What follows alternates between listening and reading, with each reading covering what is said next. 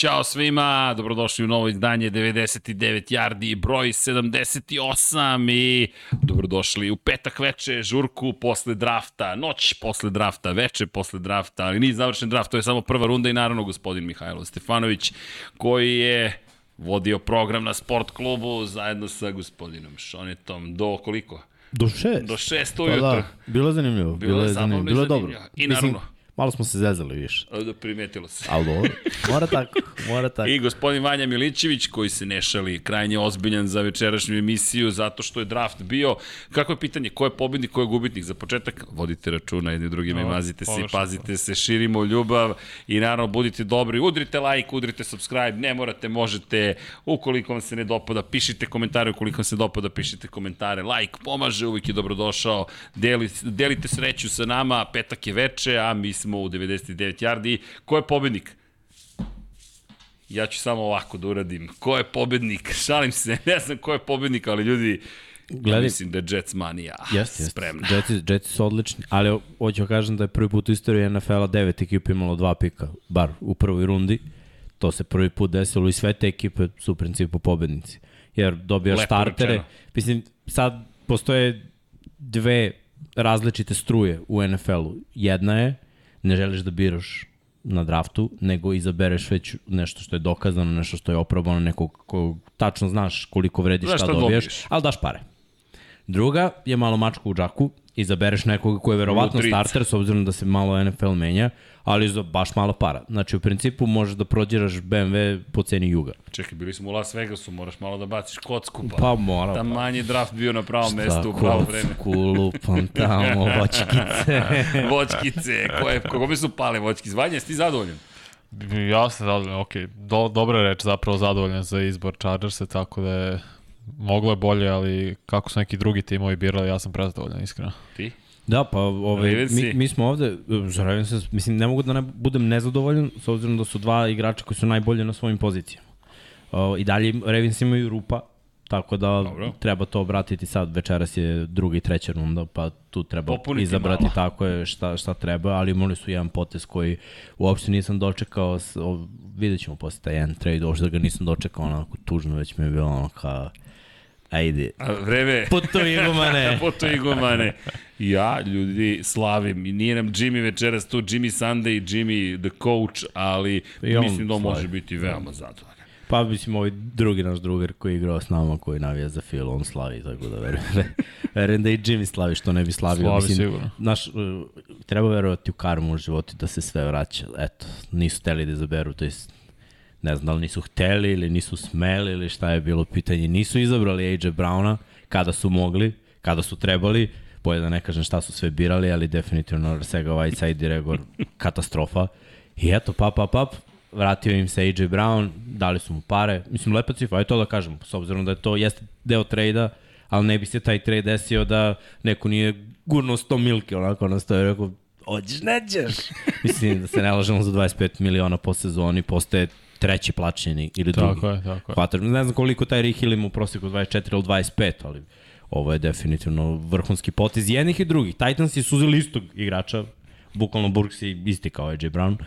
Uzeli su ga za, za ne znam koga će ga platiti 5 miliona po sezoni, Fila je platila ovog 25, ali Titansi znaju da naprave takvog hvatača, a Fila, koliko smo videli, ne znam. Je dobila Tako je, stvar. to je ono, To je ono što si rekao, šta hoćeš, filozofije. ako hoćeš nešto što znaš šta je, daj pare, ako želiš da, da to što izabereš možda bude ono što, što misliš, onda rizikuj. Mislim, i Fila je rizikovala koliko puta nisu uspeli. Ja mislim da, da oni, od svih igrača koji su birali na poziciji hvatača, poslednji koga su napravili, da je bio iole produktivan je, je Jeremy Macklin, pre toga da je Sean Jackson. Ovo ostalo je sve moglo, tu plivalo je malo, imali su neke produktivne sezone, ali uglavnom nije to bilo to. Tako da, a to je više od decenija, znači Deshaun Jackson draftom 2007. godine. Znači, to je 15 godina prošlo. Ako za 15 godina ne možeš da biraš hvatača, nesposoban si da biraš, dovedi nekog i daj mu pare. Mislim. I dobro ti majice. In Lamar we trust. Lamar se smorio. Lamar se baš smorio, to bre. je A dobro, mu je drugar. To mu je drugar. Da, drugar ti je loš, brate. Idemo. Treba nam novi drugar. I, e, vidi, mi imamo nove drugare. Ja moram da priznam sve, sve, ali Jermaine Johnson, tu sam se prijetno... To... A ja sam teo Jermaine Johnsona, Ne, vidi, iskreno. kad sam vidio Jermaine Johnson, jutro si rekao, opa, No, de, opa, ova radost, ova radost Evrope. Nisam mogu da izdržim do kraja, bilo je.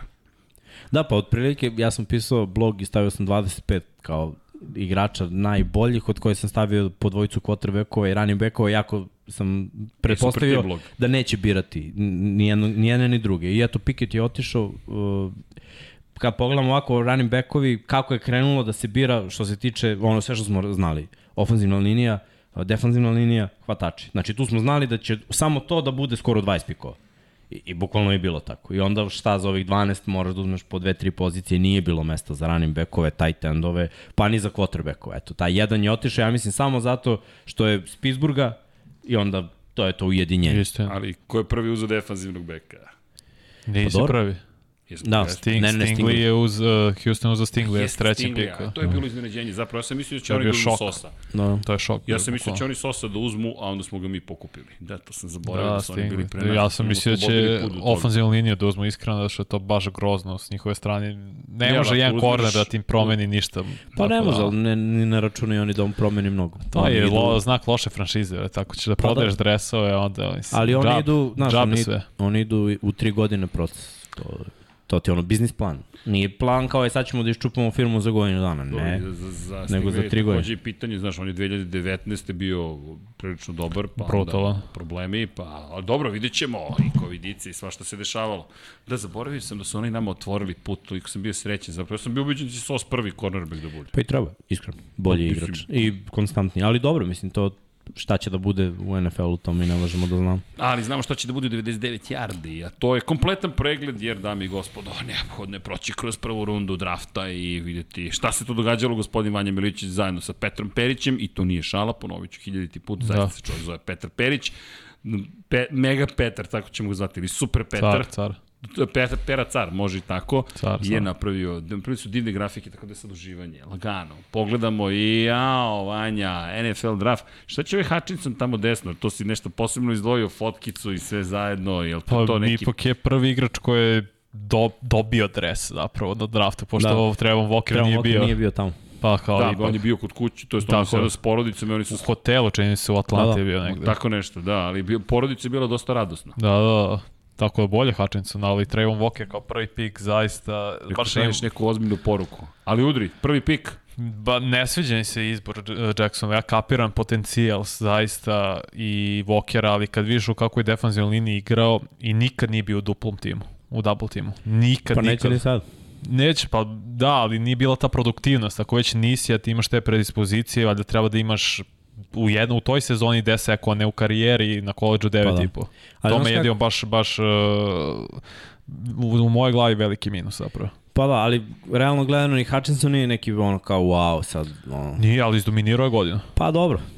Dobro, ali se uklapa u planove Jacksonville i Detroit, to ono što Pa, znaš kako, s obzirom da nemamo neki izraziti talent na, na toj poziciji, ali Istina. njih dvojci imaju veliki potencijal ako budu koučovani na pravi način.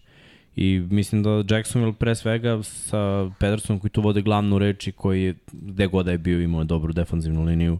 I mislim da, da, da je jako dobar mentor i da će izabrati vrhunski coach staff koji mo može da radi s ovim momke. Inače oni imaju pa da kažemo neku istoriju upravljanja defanzivnih linijaša.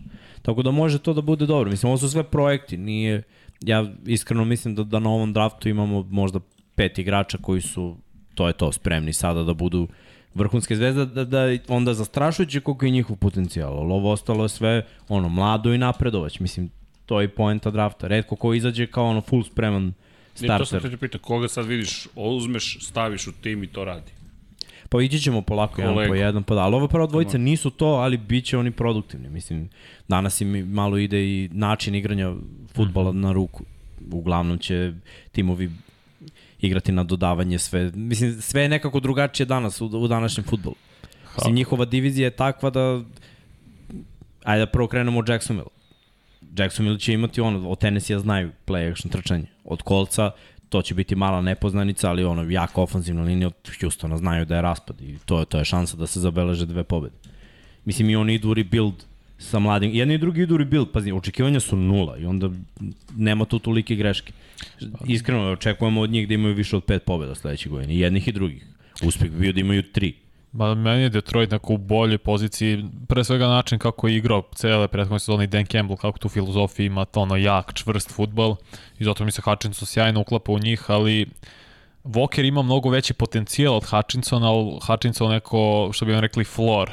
Pod je viši od pa, Walkera i mislim da će biti konstantni igrač sad. Walker ima potencijal da bude pro ball konstantno onoj godini iz godinu godinu dok Hutchinson može bude tako 3-4 puta max, ali bit će konstantni, bit će solidan igrač konstantno, pa, dok pa, Walker pa, može bude bust. To ćemo tek da vidimo kakvi će, kakvi će da budu, ali ono što je dobro za Detroit jeste ono, dečko s Michigana.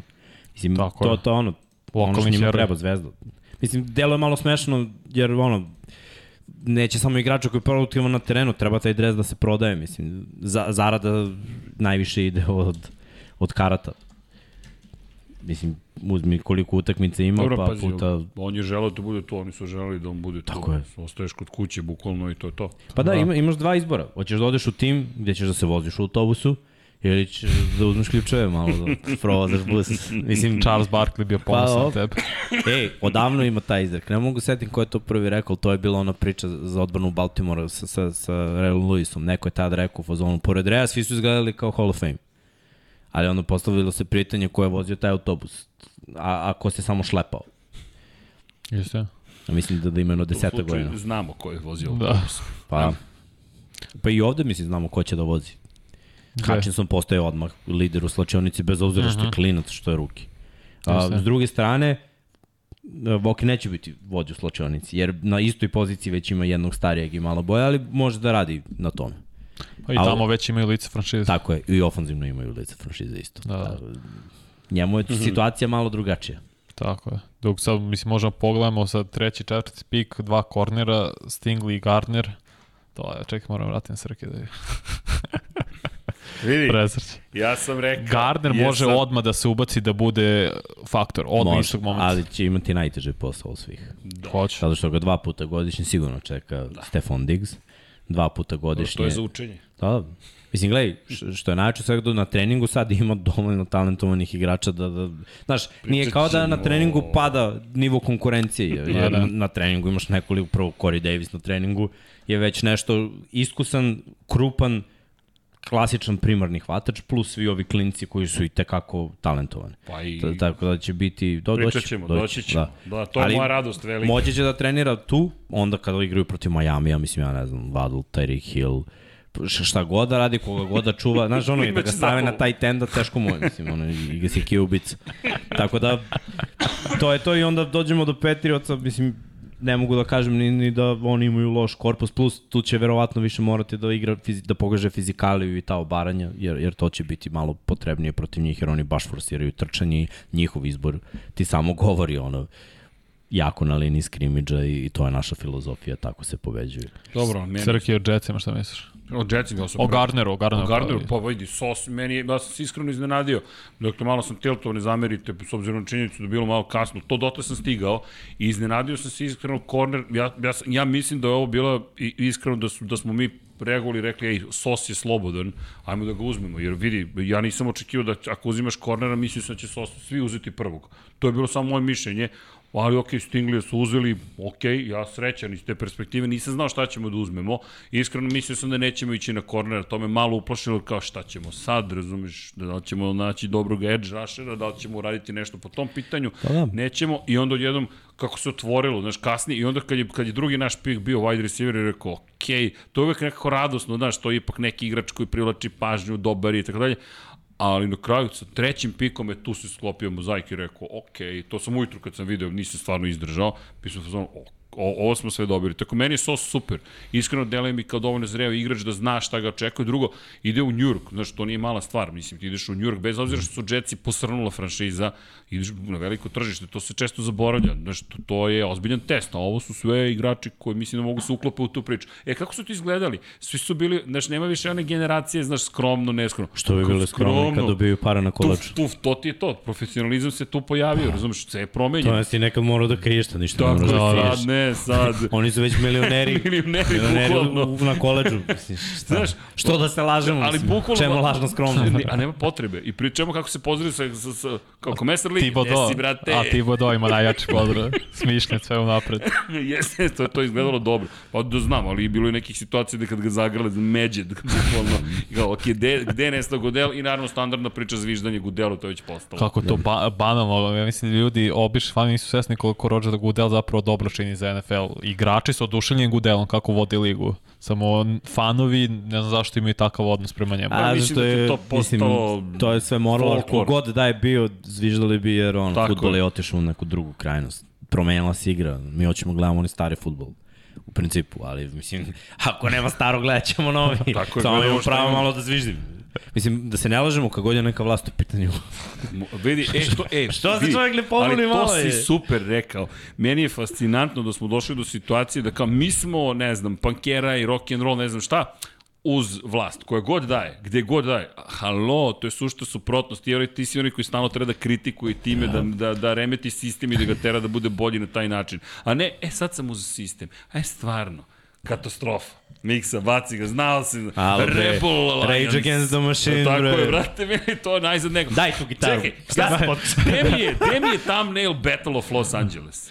Sam rekao da napravite. To treba Bog da napravi. Ne, Treba drugo Bogdan da napravi. E, Petar će da napravi. Može. Znači, hoću moj Battle of Los Angeles Throwback Thursday da bude kako je trebalo thumbnail da izgleda za bitku za Los Angeles. Može. I kao, šta ti je bitka za Los Angeles? Skočit ću kroz zatvoreni prozor. B- Album Rage Against the Machine. Ratam. Ne zna Raja, šta je dobar Ej, znaš film. da su u 17. septembra u Zagrebu? Znam. Imamo. Ne mogu. 17. septembra je Formula 1 u Beogradu. Da li mi veruješ? Znači, gleda mi kao, re, rata mi kao 17. septembar. Are you kidding me? A David Coulthard ovde vozi. A ja sam ambasador događaja i, i čovjek koji vodi program. A dobro. Ili da zovemo Rage Against the Machine, kažemo, momci, imamo bolju binu za vas. I poremetimo ceo sistem. Pa, to je važno. Zar to nije uveče? power Back. Vidi, jedino Coulthard da me vozi do Zagreba, znači, Ili ima mesta? to, držite se, razumeš, sa svake strane, razumeš, ja ću pozadi, razumeš, da uti glavni otvor, vi na bokove i... Nadam se da, je, David- da je on ispojar stabilan. Ne, to je sve stabilno, da, samo da ćemo mi da izdržimo. razumeš. Mada, vi imate jake ruke, morat ćete malo da me bacite na to. Da ojačamo muskulaturu Nije problem, rešit ću. Do septembra. do septembra i, i mogu da idem na draft.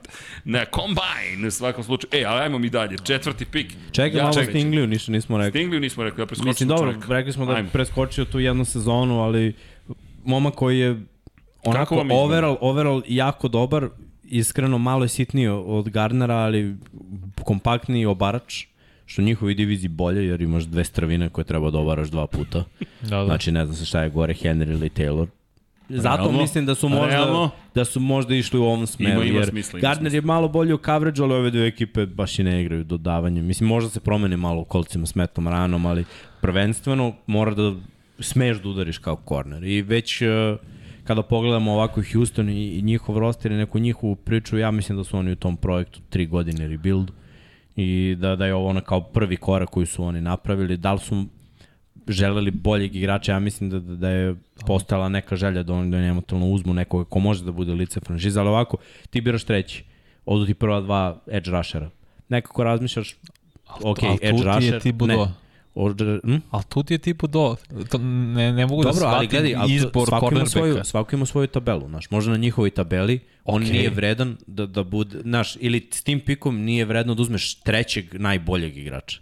Po nekima treće, po nekima najbolje. Sam, ja ne znam i Dobro, nijednog mislim, kornera ja mogu koji... da ti dam neko poređenje pa mi ti odgovori da vidimo. Ne, da misli ovako, vidiš Aj. tri lepe plavuše i tri lepe crnke. Da li bi uzeo treću najlepšu plavušu ili prvu najlepšu crnku? Da možeš. Sve zavisi, u, stvar ukusa. Aj pa dobro, oni imaju ukus. Corner.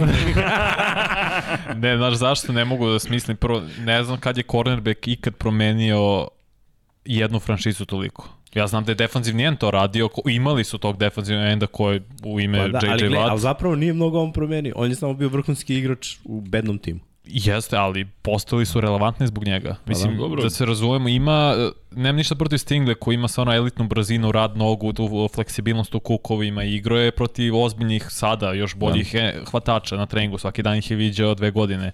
Ono što imam problem je što se ovako ne gradi franšiza po meni. Gradi se od ofanzivne, defanzivne linije da. prvo Jer ti, izrekao si, ko će zaustavi Henrya Taylora, koji gledaš četiri puta godišnje. Tako je. To, to je I... problem. Treba si defensivnu liniju u tom smeru ili da čuvaš svog da. mladog quarterbacka. Ali oči, očigledno oni imaju plan da sve to učine. Mislim, njih čekaju pikovi. Mislim, Cleveland im je dao pikove i sledeću godinu. Znaš, možda ovo nije projekat da žele da budu dobri ove, uh mhm. -huh. jer gledaj, vrlo lako može da, da bude ovo, ajde da ne uradimo mnogo, da bi sledeću godinu imali prvog pika na draftu.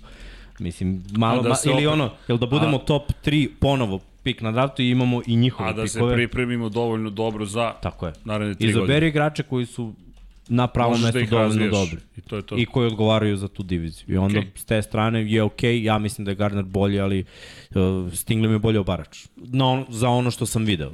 E sad, možda zato što je malo kompaktniji i malo niži. Eto, pa samo može zato, ali opet Gardner igra fizikalan futbol. Igra, Potom igra, na, da. pre, na presu. Odmah je tu skoro ima 6-2 visok, dug. Mislim Jeste, da je da. on A bolje je teže im... kad imaš 1,90 da se spustiš u, u duel nego 1,80 Mislim, stvarno smešno izgleda, glupo je to tako da se ravno kao 5 cm razlika, ali 5 cm razlike nekad no. baš napravi razliku. Kako ne? Šta znam, ali opet to su dva kornera, mi smo znali da će ovo biti 1-2 korner, mm -hmm. samo je bio pitanje redosleda i znali smo da će ova dvojica biti prva dvojica defanzivnih i, i uh, edge rushera ja i to je bilo. Nije, ja slavim, još, samo još uvijek slavim, verujem. I treba slaviš. Da, peti pik, mi, došli. peti pik kada je došao, to, to mi je... Ovaj, e, to je bilo zanimljivo. To je ono što, što smo pričali. Pričali smo o da, Tibodovu. Pa za, zato što su to ono priče, priče su gluposti, znaš, kao on, kao ne igramo se futbol, ono, ovo, ono, ono, mislim, da se ne igra futbol, ne bi izašlo na draft. E, znaš šta mi je super? Momak koji je bio tamo da pročita A, za petu da. rundu, mm -hmm. momak koji je Make a Wish Foundation, ima transplantaciju srca, ukoliko sam dobro shvatio, hoće da bude komentator i koji pokušava da podigne publiku i publika koja ga kulira i ignoriše i ne može da podigne, Gudel se sme i izlazi ti Bodo i kreće. Oh! Rekao, to majstore, podrži čoveka, baš je bilo dobro. I ti Bodo koji, ljudi, on je, možda ne znam, ajde, recite da li je instant igrač, ali je instant zvezda. Pa jeste zvezda i mislim, dolazi iz koladža koji ono, dugo nije pravio jake produkte. Mislim, Oregon je nekada bio stvarno sila što, što se tiče college futbala. U pa, poslednjih par godina pa, Da, ali izbacuje... koliko je bio jazan. Jeste, skoro deceniju pre toga da, ništa. Da. I onda sad odjednom je krenulo malo, mislim, najveće dve zvezde koje su izašle posljednje Herbert je, evo sada ti budu, mislim, to je moje mišljenje. I Suol isto. Pa ajde, da, i, i Suol. I onda to su tri igrača koji su starteri, odmah računaš zvezda, odlazi u New York, gde će ga čekati težak posao, jer mislim, ne može onda bude instant zvezda protiv tri brutalne ofenzivne linije koje ga čekaju u toj diviziji. Ja ne znam šta je gore, Dallas Fila ili Washington koji, koji zna da radi i koji igraju taj dosadni futbol gde da će on verovatno više da, da brine o trčanju nego u rašu i sekovima. Mislim, takva im je divizija. Neće biti baš sjajno i bajno, ali ja verujem da, da će baš tu da se vidi kakav je njegov motor. Jer ako kroz to prođeš, kroz, kroz, znaš, da, da nije ono sve idealno, ako kroz to prođeš sve ide na bolje. Mislim, Giantsi su imali mnogo stvari koje su morali da razmisle koga birati, kako i šta. Ja mislim da su imali rupa na pet pozicija gde su mogli ovo da biraju. E, inače nisu uzeli petu opciju za Daniela Jonesa, što tek je stavilo pitanje -huh. na to mhm šta će uraditi večeras u drugoj i trećoj rundi, da li neki od ovih quarterbackova kao rezerva ili čekaju sledeću godinu, a ovaj je ono jednogodišnji projekat, da imamo sve da. sem quarterbacka, pa možda i neki trade.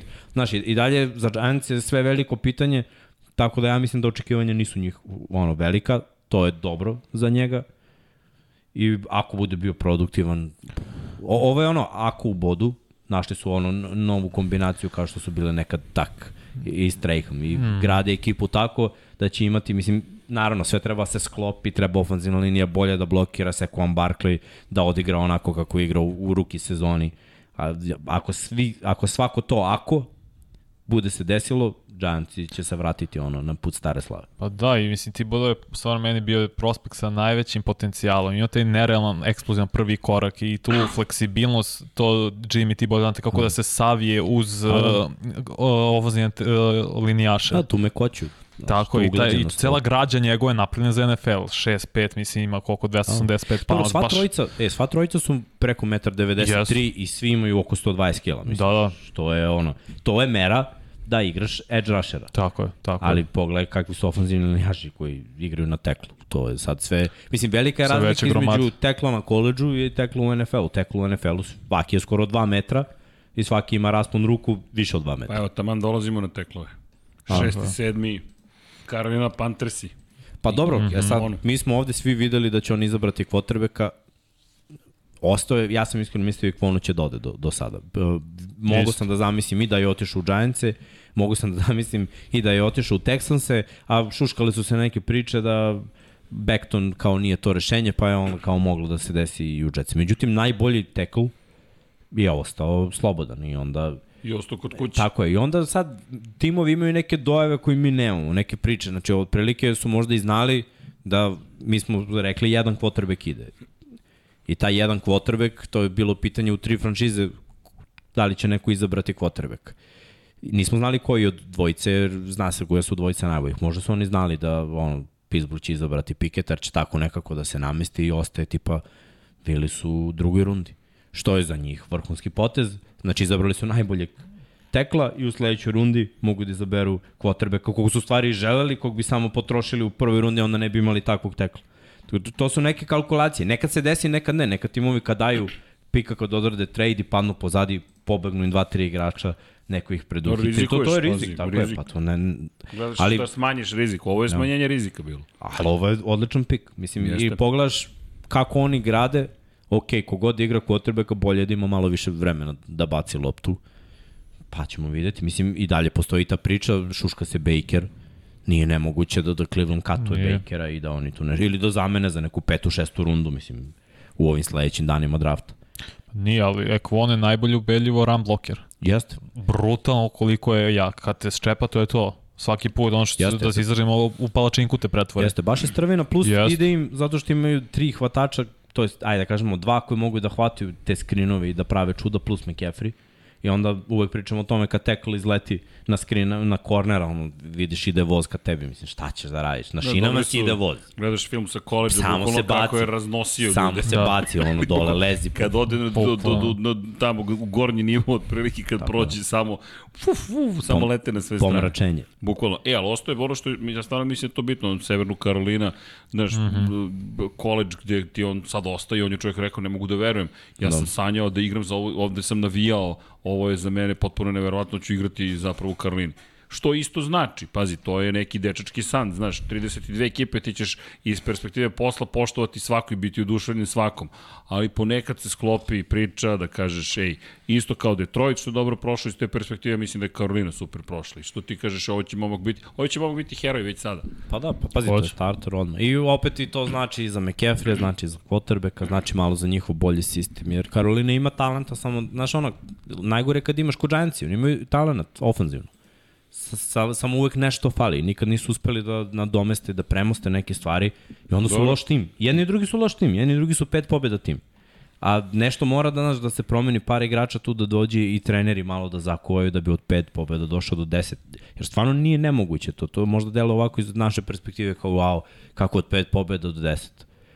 Ali bukvalno je par, par igrača drugih, malo, malo drugačiji mentalitet. Ja se sećam kad su Ravens imali pet pobjeda, bukvalno je ono draftoval Lamar, sledeće godine su ušli u playoff. Sledeće godine su imali 14 pobjeda. Mislim, I- ili 13, ili 13-3 je bilo. Bili su najbolji tim kad je on bio MVP. A, to je naredne, da, da, da, da Ali, druge pazi, godine, da, to, je- da. To je promena za dve godine. Zašto? Draftovali su ofenzivnu liniju, draftovali su cornerbacka i draftovali su Lamar. To, to su tri igrača. Ostatak potpisali još dva, tri i to je to. I pazi sad ovo što se tiče Giantsa, dakle Danny, Jones, Danny Dimes nema više i nisu, izabrali, nisu zapravo izabrali tu opciju pete godine sa njim, onaj Pa da. ugovor za Novajlije, ali su Dextera Lorenza zadržali. Dakle, oni su, to je jedino saopštenje, tako mm -hmm. da Mhm. tamo se očigledno menjaju stvari, ali ovo je to, ovo, ovo je sjajno izbor cela priča. Pa za Karo- Pre toga, za, za Giantsa samo da, da spomenem, to smo zaboravili u celoj priči što su ubacili to, a što se tiče Karoline, ajde da vidimo ko će da bude tu quarterback, jer smo zaboravili samo da spomenemo, izvini, quarterback kako Giantsa malo pre na petom piku. Jer to isto Danny Jones tamo ne pitanje ko će se tu naći. Pa mislim Ma, da Daniel Jones ima šansu ove godine zapravo da Misliš pokaže da to to? neki napredak i nakon toga će, ali mislim Dable, novi trener, neće se drži sa njim sigurno sigurno, on, bih, on hoće svoj neki projekat da ima. Tako Čisto je. da ne zaboravimo tu Da, da. quarterbacka, nismo ni spomenuli, mi smo kao Jetsi mirni smo pitanju quarterbacka, jer pričali smo o izboru quarterbacka i sad u Karolini, kao, kao, ajde, ko će da dođe, ako dođe Baker Ma ili to, ko će da dođe. znaš, bez quarterbacka šta radiš? Pa ništa. Sediš i čekaš. Bukvalno. Mora izabereš potrebu. Zato su i izabrali Evan Nila. Tako je, tako je. Tekla koji uz Andrew Thomas sad si popunjen na, na obi pozicije tekla. Da li je za Daniel Jones ili za narednog kvotrbeka nebitno, ali kad vidiš koliki je čovek, prvo Nil i kreće se kod- ima 20 kila manje, da je ta eksplozivnost i tri godine starte na Alabama gde ti igraš protiv najbolje konkurencije svaki meč. To da. I I To igrat ćeš je i dalje protiv iskustvo. najbolje konkurencije u ovoj diviziji. Mislim da se ne lažemo. Pa pogledaš šta... Saintsi, izvini. Ne, pa, pa gledamo ovako, dve tekme protiv File, dve tekme protiv Dallasa, uh, dve tekme će biti protiv Jetsa, koji sad imaju malo bolju odbranu, plus mm -hmm. ovaj defensivno orijentisani trener. Znaš, bi, bit će mnogo pritiska i Giantsi su jako loše igrali. Ok, vratili ste se na Giants. Ne, idemo dalje na Giants. okay, Ja idemo dalje sa sedmi. Ok, ok. da. Giantsi su na sedmu. Giants i Carolina Giants Giants. i Carolina Giants. Mislim, To. još je Evan Neal najbolji pas bloker, što da, dodatno olakšava posao Daniel Jonesu. Trebalo bi zapravo Pa da. da. da dodatno olakša posao. Gledaj, ja mislim da je ovo najviše izabrano da, da bi trčanje malo proradilo. Treba. I imaju tu par igrača koji, koji su još doveli tokom free agency i mislim da ću kasnim rundama isto raditi na tome da, da izaberu još nekoga interior linemana, nekog garda eventualno, da, da bi čisto tu bili sigurni za, za neku budućnost, da to trčanje može da proradi. Mislim da u kasnim rundama ih čeka takođe izbor nekog tight enda koji je pre svega dobar bloker. Izgubili su mnogo, izgubili su dvojicu čak i Kyle Rudolph koji je dobar bloker i Evan Ingram koji je širio teren i, i sad imaju totalno neki drugi izgled što s Dable-ovim sistemom, znači Dable ne ume da trči bez tight enda koji brutalno blokira. On je imao u Billsima dvojicu, trojicu tight endova koji su se vrteli tu tekst. Ove godine Dawson Knox bio produktivan kao hvatač pre toga ne. Tako da mislim da Giantsi imaju dosta posla još da obave do kraja, ali ovo je, mislim, otišao je jedan najbolji, uzmi drugog najboljeg. I tako, tako se to radi, mislim. U principu izabrali su dva igrača koji su top na svojim pozicijama. Ne, Tako ne mogu ništa da kažem Bukvalno. loše u To tome. pričaš svake godine. Ako nemaš onog kog si želeo, uzmi prvog sledećeg najboljeg. Ko je najbolji? Pa da. Kako može? I onda, znaš, ne može niko ništa da ti kaže. Bolje da uzmeš prvog ili drugog na nekoj poziciji nego sedmog hvatača lupom. Mislim, opravdava malo Green Ne, Bay sada i okej. njihov. Mislim, ne ja, i Rodgers je opravdao ono što su oni uradili. U, ne, ne, to se uopšte ne, o tome ćemo doći. Ne, ne, ne, ba, ne, ne, ne, ne. Ne, ne, ne, Problem je što nisi izabrao najboljeg na stoj poziciji. Treba si... To je ogroman problem i uopšte to, to ćemo posle stvarno. Da. Ali ostao je Drake London. Kao osmi Atlantica. pik Atlante, mislim da. na ovih prvih osam. Dobro, pazi, malo mi je zanadilo što je Drake London prvi hvatač koji je otišao, ali opet kad pogledamo ovako, zadovoljan. te konstitucije, te, konsti, da, Ja te, te konstitucije su bile samo dva hvatača, Burks i on. To je nešto što što Atlanti treba iskreno kad pogledamo ovako malo Mariota i uglađeni Spitster ne ide. Što Mariota uopšte nije precizan quarterback. Znači treba neko ko se ono bo- to to ti je kao Baltimore priča. Dobro. Da, da Baltimoreu daš Markisa Browna, on će možda da ima od četiri sezone jednu od hiljadu yardi. Zato što je on uglađeni Spitster. Čekaj, znači on ovo dobro rute. uvodu zašto su ga- Ne mora da bude. zašto znači, su ga uzmeš, uzmeš nekoliko tipova hvatača. Deshaun Jackson Dobro. ne bi uspeo sa Mariotom, na primjer. Dobro. Zato što on trči drugačiji tip ruta. Calvin Ridley, Marquise Brown, uh, ili ovde od ove godine, ajde da kažemo, i Olave i Wilson, to su hvatači koji su moje konstitucije, Srki, u NFL-u. Znači, oni su moje visine sa mojom težinom u NFL-u. Ja sam sitan lig. Je razumeš? Ali, Ne, ne, ne, pusti, pusti Pazi. priču. Pusti Ne, priču. o, Wilson ima 90 kg. Wilson je malo Nema, teže. brate. Ne, nema, ima, ima. brate. Nema. Ima 86 kila, brate. Nema 90, veruj mi, brate. Ok. Ajde, po, po, provjerit ću posle. Znači, na tri sajta, tri različite kilaže, vidim ga po telu kako izgleda. Znam zato što sam igrao sa 87 kila, znam šta je, znaš, 87, znam šta je, na našu visinu 90 kila, izgledao bi ko AJ Brown. Veruj mi, brate, meni su svi pitali imaš 90 kila kad sam imao 87. Razumeš? Velika je rada, kad si nizak, kilaža se brzo primi. To su mali ljudi, razumeš? ja sam onda nizak. Ti, si- si- ćuti, bre. Tvoj dohvat, ona je bio kao moj odraz. malo. E, ali ovo hoću da kažem. Drake je visok, Krupan ima 100 kila, to je nešto Okej. što je najsličnije bilo kao ono Julio Jones, Pitts, imaš dvojicu 1,95 m levo i desno i možeš da, i plus imaš Cordela Pattersona koji je 6'4. 6'3, 6'4, znači on je 1,93 2-3 ako se ne varam. Svi imaju 100 kila. I to ti je tvoj hvatački korpus koji s Markusom Mariotom može nešto da, da uči, razumiješ? Malo, tako je. Njegova lopta Bukvalno. ide malo gore, ok, može da se skoči. Njegova lopta Okej. ide malo iza, ok, može da se Dobro, dopati. kad, kad gledaš njega na koleđu, on je imao te situacije gde on može da se izbori za poziciju, zapravo ti kada pogledaš, to je to. Gledaj, meni je on Mike Evans. Ja gledam Upravo, njega, vidim bravo. Mike Evansa. Ja vidio sam poređenje, znaš, a Mike Evans je onaj lik koji je ogroman, dug, hvata te lopte koje misliš da ne može i svi misle da je spor, a on su uopšte nije Nije spor. sport. Nije. Znači Samo je velik. 4-5 sa tom veličinom. Samo je velik. To je brzo. Samo je velik. Tako da ono, s te strane Atlanta je dobila nešto što je i Washingtonu bilo potrebno, ali Atlanta je prvo ugrabila tu priliku da, da uzme ne, nešto što ja i dalje cenim u NFL-u, jer danas sve ide na brzinu, sve više brzih i manjih hvatača, i sitnijih i lakših, ali sve je manje ovakvih igrača. A ovi igrači uvek budu produktivni. Znači, uzme mi posljednjih nekih u, u prvoj i drugoj rundi draftovanih ovakve konstitucije igrača, oni, ako pogode se naravno quarterback, uvek budu produktivni. Jer jednostavno sa ovom visinom i težinom defanzivni bekovi nisu toliki. Oni svi moraju da budu fluidniji, brži, okretniji, spretniji, znaš, ali dalje je problem kad ti dođe čovjek od 1,95 m koji trči on 4-4, 4-5. Samo je pitanje vremena kad će to da proradi. Evo ti Mike Williams je proradio za Chargers-e, da ne, pazi kakvu karijeru ima od kad je ušao NFL Mike Evans. AJ Green isto ono. 6-4 hvatači uvek su bili problem. Vratimo se nazad, ono Terrell Owens 6-3, Randy Moss.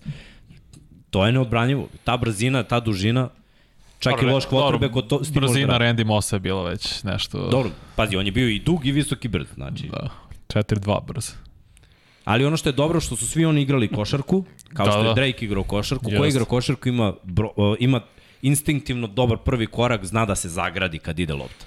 Znači kao kad čekaš skok na, na odbitak, znaš da postaviš rame, znaš da se zagradiš i, i znaš da, da oceniš gde ide lopta, da je lociraš. E, to su stvari ko, koje možda Biće, fale nekim biće drugim. sjajan tandem on i Kyle Pitts, stvarno jedno čekam to da vidim i uprkos uh, Znaš, biće problem- limi, limitiranom da. Markusu Marioti u određenim segmentima, mislim će biti baš zabavno gledati. Jer sad, sad oni ako žele da, da odrade double team na picu, evo, odradi double team.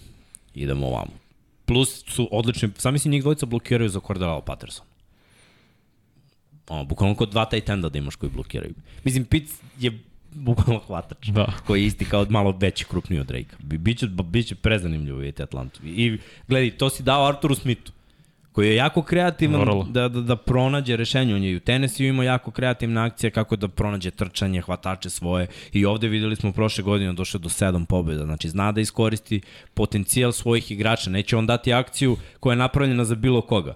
Već je dao akciju ok, imam akciju za Drakea Londona, imam akciju za, za Kyla Pitsa, imam akciju za Cordrella Pattersona i zato će svi oni biti produktivni, kao što su prošle godine bili Patterson i, i No, Pitts. ti gledaš kao armiju koja će biti vrlo funkcionalna. A zato što je trener takav, trener je njihov strateg. Znaš, neko, ne, neki treneri samo ono, neko ima energiju, neko ima uh, ne, neko ima dobru zamisao, ima dobre pomoćnike oko sebe, neko zna da postavi taktiku, svako ima svoju neku prednost. Arthur Smith je klasičan ono, strategičan. Znači on čovjek uzme, postavi strategiju, nađe uvek u napadu, napraviti da deluje kao jedno stvari bude drugo. Ako nađe mi smeč, ako nanjuši mi smeč, da, da prolazi, taj mi smeč će gledaš ceo dan. Cijelo, da, da. Razumem, koliko traje utakmica, taj lik ide. Znači, ako treba da ima 200 yardi, imaće 200 yardi. Mislim, ja to poštujem, tako, ta, to je ono, tako se igra futbol. Tako treba da se igra futbol. I ako vodiš 50-0, treba vodiš 80-0. Pa ne, jeste, pa vidi, nema tu popuštanja, kao ajde da ih možeš, što su zašto? si igramo i... Ne razumem zašto. posao. Pa kao budi dobar, pa da. Da. čekaj, ne razumem. Hoćeš ti sutra biti dobar prema meni, ne znam šta- čemu to služi uopšte. Ne- Zaista nisam za surovost, ali čoveče, to je fokus. Ti kada to jednom popustiš, ti gubiš fokus. Sledeći Drugo, pogledaj ti ovu padaš. diviziju. Ova divizija, kakav cornerback, kakvu odbranu imaju Saintsi. Znaš, po, sada protiv Tampe, Tampa bukvalno ima iste takve hvatače. Pogledaš Karolinu, Karolina se nakrcala s kornerima. Mislim, treba ti malo i ono veće telo i za blokiranje i za hvatanje. Tako da ovo je dobar pik. Samo što on meni nije najbolje ocenjeni hvatač, ali ako uzmeš kakav je kotrbe, ovo je idealan hvatač. Super su birali. Yes. Fantastično su birali, ja, to po, puna podrška. Kad sam vidio ovo, rekao sam, ok, malo iznenađenje, ali nisam očekivao ono što je usledilo. Ali prije, između onoga što je mene obradovalo, se nalaze Seahawksi. Charles Cross, ofenzivni Da, da. tackle. Pa dobro, pazi, Russell je plakao i molio, ovo je treći ocenjeni tekal u principu, skoro svima. I kogoda je quarterback, treba mu malo bolja ofenzivna linija. Seattle baš ima rupa i ja ne znam, da su ostali tipa do ovog mesta Stingley ili Gardner, verujem da bi bili oni. s obzirom da su otišla dva najbolja kornera, da su otišla dva najbolja edge, tri najbolja edge rushera. Tako je. U ovom trenutku se pitaš, pa onda ajde da uzmemo i mi tog trećeg najboljeg tekla, jer odatle će sve da krene. Opet i trčanje će biti verovatno bolje i oni igraju u diviziji tek. Zamisli, defanzivna linija Ramsa dva puta godišnje, defanzivna linija 49ersa dva puta godišnje.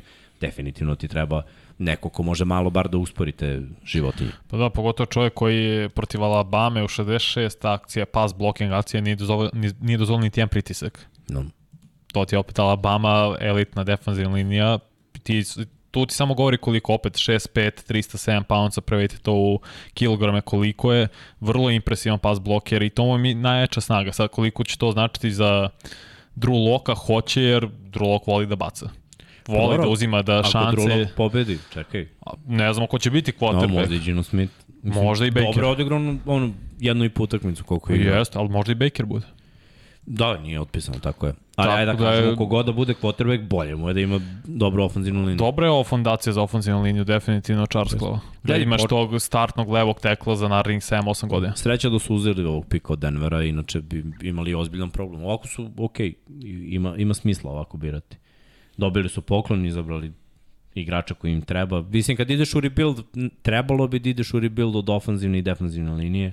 Hvala tako, Bogu. Tako da to podržava. Ili ako ostane neki vrhunski talent, izaberi njega. Ali oni, sad vrhunski talenti koji su ostali ovde, u ovom trenutku, oni imaju te pozicije popunja. Safety nisu sigurno birali pored Jamala Adamsa i, i Diggs. Mislim, to je to, tu su rešeni, mogli su da uzmu kornera, ofanzivnu liniju ili edge rushera, to je ono što im treba. Mislim, nisu baš sjajni ni na poziciji linebacker, ima tu imena, ali niko nije ono middle line je problem. Ne, nema tu takvog imena, mogli su, ali ovo je previše rano za, za linebacker, po mom mišljenju. Uh -huh. Mislim da mo, može to i kasnije. Koga će Kroz da čuva? Pa, sad smo rekli. To ćemo ja. Vidjet ćemo. Baker, mislim da će Baker biti. Baker je na mnogo mesta. Pa, pa Nije zato što je, nije zato što je tražen, da se razumemo, nego zato što ne, nemaju ni oni bolji izbor. A Baker Ma ja mislim je okay. da neće oni uopšte ni davati ništa. Treba im i taj šesti, šestorumni treba. Mislim da je Seattle u fazonu Drew Lock ova godina, pa ćemo im... Bukvalno, ja mislim da ste bio pravo, da će to da bude da ostane isto i da, da tek sledeće godine sklapaju kod. Čak mislim i da su u fazonu da biraju dva puta u onu top 10. Prvi put posle IHH. Da, zašto da ne? Ne vidi, nama je prijelo. Garrett Wilson, Jets? Garrett Wilson, čekajte drugari, kako ste vi zadovoljni? Ja mislim da je ozbiljan wide receiver, iskreno, neko ko je zaista, kada ga pogledaš i kako trči, i kako igra rute i kako izbacuje ljude, prvi pokret inicijalni, A. gledam samo kako ok, jeste college, ajde vidjet ćemo, naravno, NFL je drugačiji, mnogo brži, ali to sve lepo da, izgleda neko ko trči rute ko ima tu eksplozivnost, on je ima svuda. Može to, to, da igra s drugarima u kraju, može da igra u NFL-u, on je dalje brz. ok, malo, je, je razumeš. Malo mislim da će korneri biti malo izazovniji nego na koleđu. Pa, naročito što s druge strane imaš dobro hvatače takođe. Ali opet, uvek postoji ono šta ako i, i koliko će Jetsi pre svega da budu na terenu. E, znaš, ako Jetsi idu 3 and out, 3 and out, 3 and out, džabe što, što on ostavi 10 Jasne. yardi nekog u prašini. Ako ofenzivna linija ne može da zadrži, ako Wilson i dalje bude na leđima konstantno, to su problemi koje prate Jets. Ne samo sad kad je Zach Wilson quarterback, Sam Donald bio quarterback, možeš se staviš dva najbolja hvatača u tom trenutku. Julio i Antonio Brauna ne bi da. pobedili i dalje, jer ne, ne može lopta da im stigne dovoljno brzo. I, I to su stvari koje ne moraju da nekako poboljšaju. Trčanje krenulo malo prošle godine Mislim da, da, da je to bio neki znak da sve ide na bolje, rade na ofenzivnoj liniji, deluje da overall sve ide bolje, sad treba malo razmisliti i play action i kako dati momku da ima, jer gledaj, kad imaš trčanje imaš play action, kad imaš play action, ova brzina je fatalna. Yes. Jer će neko se spustiti malo dole, ostaće jedan na jedan sa safety-em. To je to. I, to je situacija, pazi, i on je opet igrao na koleđu da ima s druge strane dobro hvatača. Ne, ne, ali rad nogu njegov, ja sam Jest? oduševljen. I mekanje. Nerealnu separaciju ume, od, mislim, naj, on stvara najbolju separaciju u ovom draftu, plus, opet, kaže, mnogo dobro ima kontrolu nad telom i taj i stop and go, što vi stalno spominjete, i pre svega mix, mu je stvarno nevjerojatno. Promena ritma, da. Mislim, da. on je meni kao, ono, sitni Justin Jefferson. A mislim, samo što je Justin Jefferson imao jednu stvar koju on nije imao na koleđu, zbog koje sam znao da će biti produktivno. To je preko, ono, 100 hvatanja. I kad imaš preko 100 hvatanja malo ispuštenih lopti i to uglavnom hvatanja kroz sredinu, ovamo, onamo, znam da si konstantan, znam da si siguran. Ne? Ovo, je, ovo je splash hvatač. Znači, njegov highlight je Deshaun Jackson highlight. Sve, sve je touchdown. Bukvalno gledaš, ide lopta, on je uhvatio, spržio nekog i dao je touchdown. U NFL-u neće baš biti sve to tako lako, ali opet najbolje je ocenjen bio od ovih sitnijih hvatača. Jetsi već imaju jednog krupnog znači imaju totalno drugu zamislu. Oni žele, mislim, modern NFL želi da širi. Sad mora da vidiš da li imaš kvotrbeka s kojim, kome možeš da daš ovakve hvatače. Evo, pogledaj Miami. I tu. On je sad dobio dva speedstera koje šire. I Vadl i Tyree Hill. Ja iskreno mislim da on neće znati da ih iskoristi. Daj to isto tipa Mahomesu, Joshu Allenu, ovi bi imali po hiljadu i po jardi. Bukvalno. To je razlika. Sad, ja, Jasno ne znam, sve. ja ne znam šta je Zach Wilson, iskreno. Video sam jednu sezonu s lošom ofenzivnom linijom gde je ono imao ono uspona i padova. Jedva čekam da vidim ovu sad. Znači sve je dobio. Bukvalno. Mlad quarterback, evo ti online, novi trener, novi sistem, ti si zvezda, evo ti najbolji hvataš na draftu. Bu, da li to kaže Vanja bukvalno? Pa. Do, ne, ovo je meni zvezda hvatač. Jeste, pa. Ja sam baš obradu. Bi Svake godine napredovao na Ohio State, se razume. I jedne godine u timu su bili on, Chris Olave, Jameson Williams. I pored njih dvojice, to je bila druga godina zapravo njihova, on je bio najbolji hvatač. A da. To dosta znači.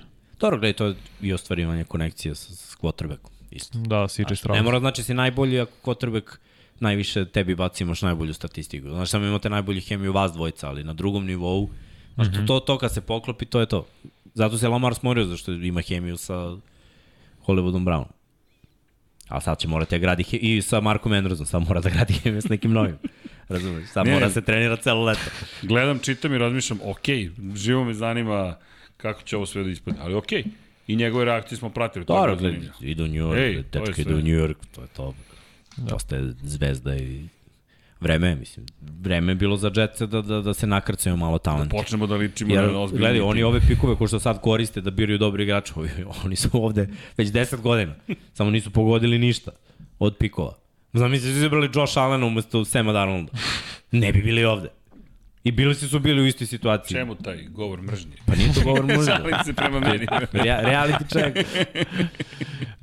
Pre 11. pika zapravo je bio trade. Da. Gde su Commandersi posle svog 11. pika Saintsima za uzor što dobili 16. pika isto u prvoj rundi 98. pika, treća runda i 120. pika u četvrtoj rundi. E vidiš, meni je ovo bilo čudno. Zašto mi je bilo čudno? Jer sam ja vidio ovako, znači sad su već krenuli da odlaze hvatači, otišla su dvojica, mm -hmm. a jedan, jednog od njih sam vidio u Commandersima. Saintsi hoće da dođu na tvoje mesto. Šta ti to govori o ovoj pik za hvatača?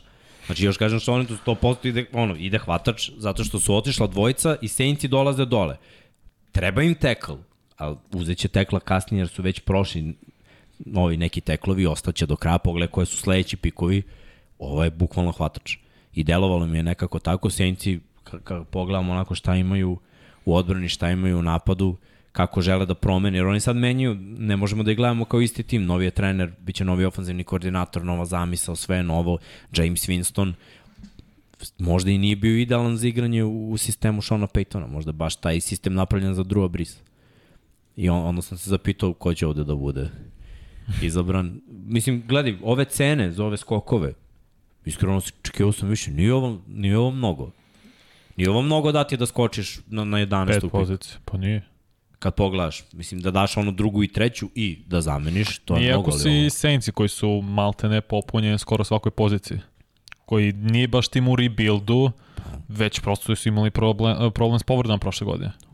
A imali su dva pika u prvoj rundi. Saintsi su playoff team. Da, to, da. to sam rekao prošle godine, ja tvrdim i ove. A sad su još i uboli na draftu. Jedan od najboljih route runnera i sve im, Olevi ima sve predispozicije da bude hvatač broj 1. Da. Ako se Michael Thomas vrati, to je ozbiljan tandem. Pa gledaj, njih dvojica, mislim, s obzirom da je ovaj bio na Ohio State-u, da, da. videli smo ono, i čestitke i priče i sad to je u najavi plus Deontay Harris potpisao tender i pogledaš malo više po rosteru kako šta kamera je tu i hvatač i trkač i, i sve. O, ozbiljna je ovo priča za njih. Oni sad grade ponovo ekipu i mogu da budu tu relevantni, jer ako James, sve, sve se oko Jamesa vrti ta odbrana će ostati na okupu koliko ih on gura kroz playoff, a mogu jer NFC slab, mislim Tampa i dalje tu institucija u diviziji ili oni kao drugo plasirani mogu dođu u playoff bez problema.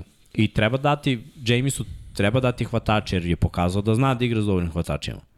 I sad, nadam se da je, da je svo to iskustvo njegovih interceptiona iskoristio i prošle godine smo videli njegovu sigurnu igru. Mali da. uzorak, a smo je videli. Ajde da je vidimo ove Dobro, Sean Payton ga je tempirao. Nije ga ono pustio, bu, bukvalno ga držao na lancu, kao možeš ovoliko i u određenom periodu. Nema više 35, 40, 50 puta bacaš loptu, ne, sve malo po malo iz meča u meč napreduješ, Jeste. povredio se, nažalost, i nismo videli pun proizvod toga šta je zapravo imao Sean Payton u planu. Ali nekad igrači moraš da koučuješ tako. Znaš, postoje dva da. načina kako ćeš da, da koučuješ takvog quarterbacka. Jedan je da ga pustiš da ono, pusti ruku. Ajde da vidimo šta imamo. Videli smo šta imamo u Tampi, nema potrebe da gledam sad u drugom timu šta imamo. E, ajde ti da malo smanjiš taj rizik, da da uprostiš ridove i da bacaš samo kad si siguran da tvoj hvatač ima šans. I bilo je bolje. Sad me zanima, iskreno me zanima da vidim ove godine.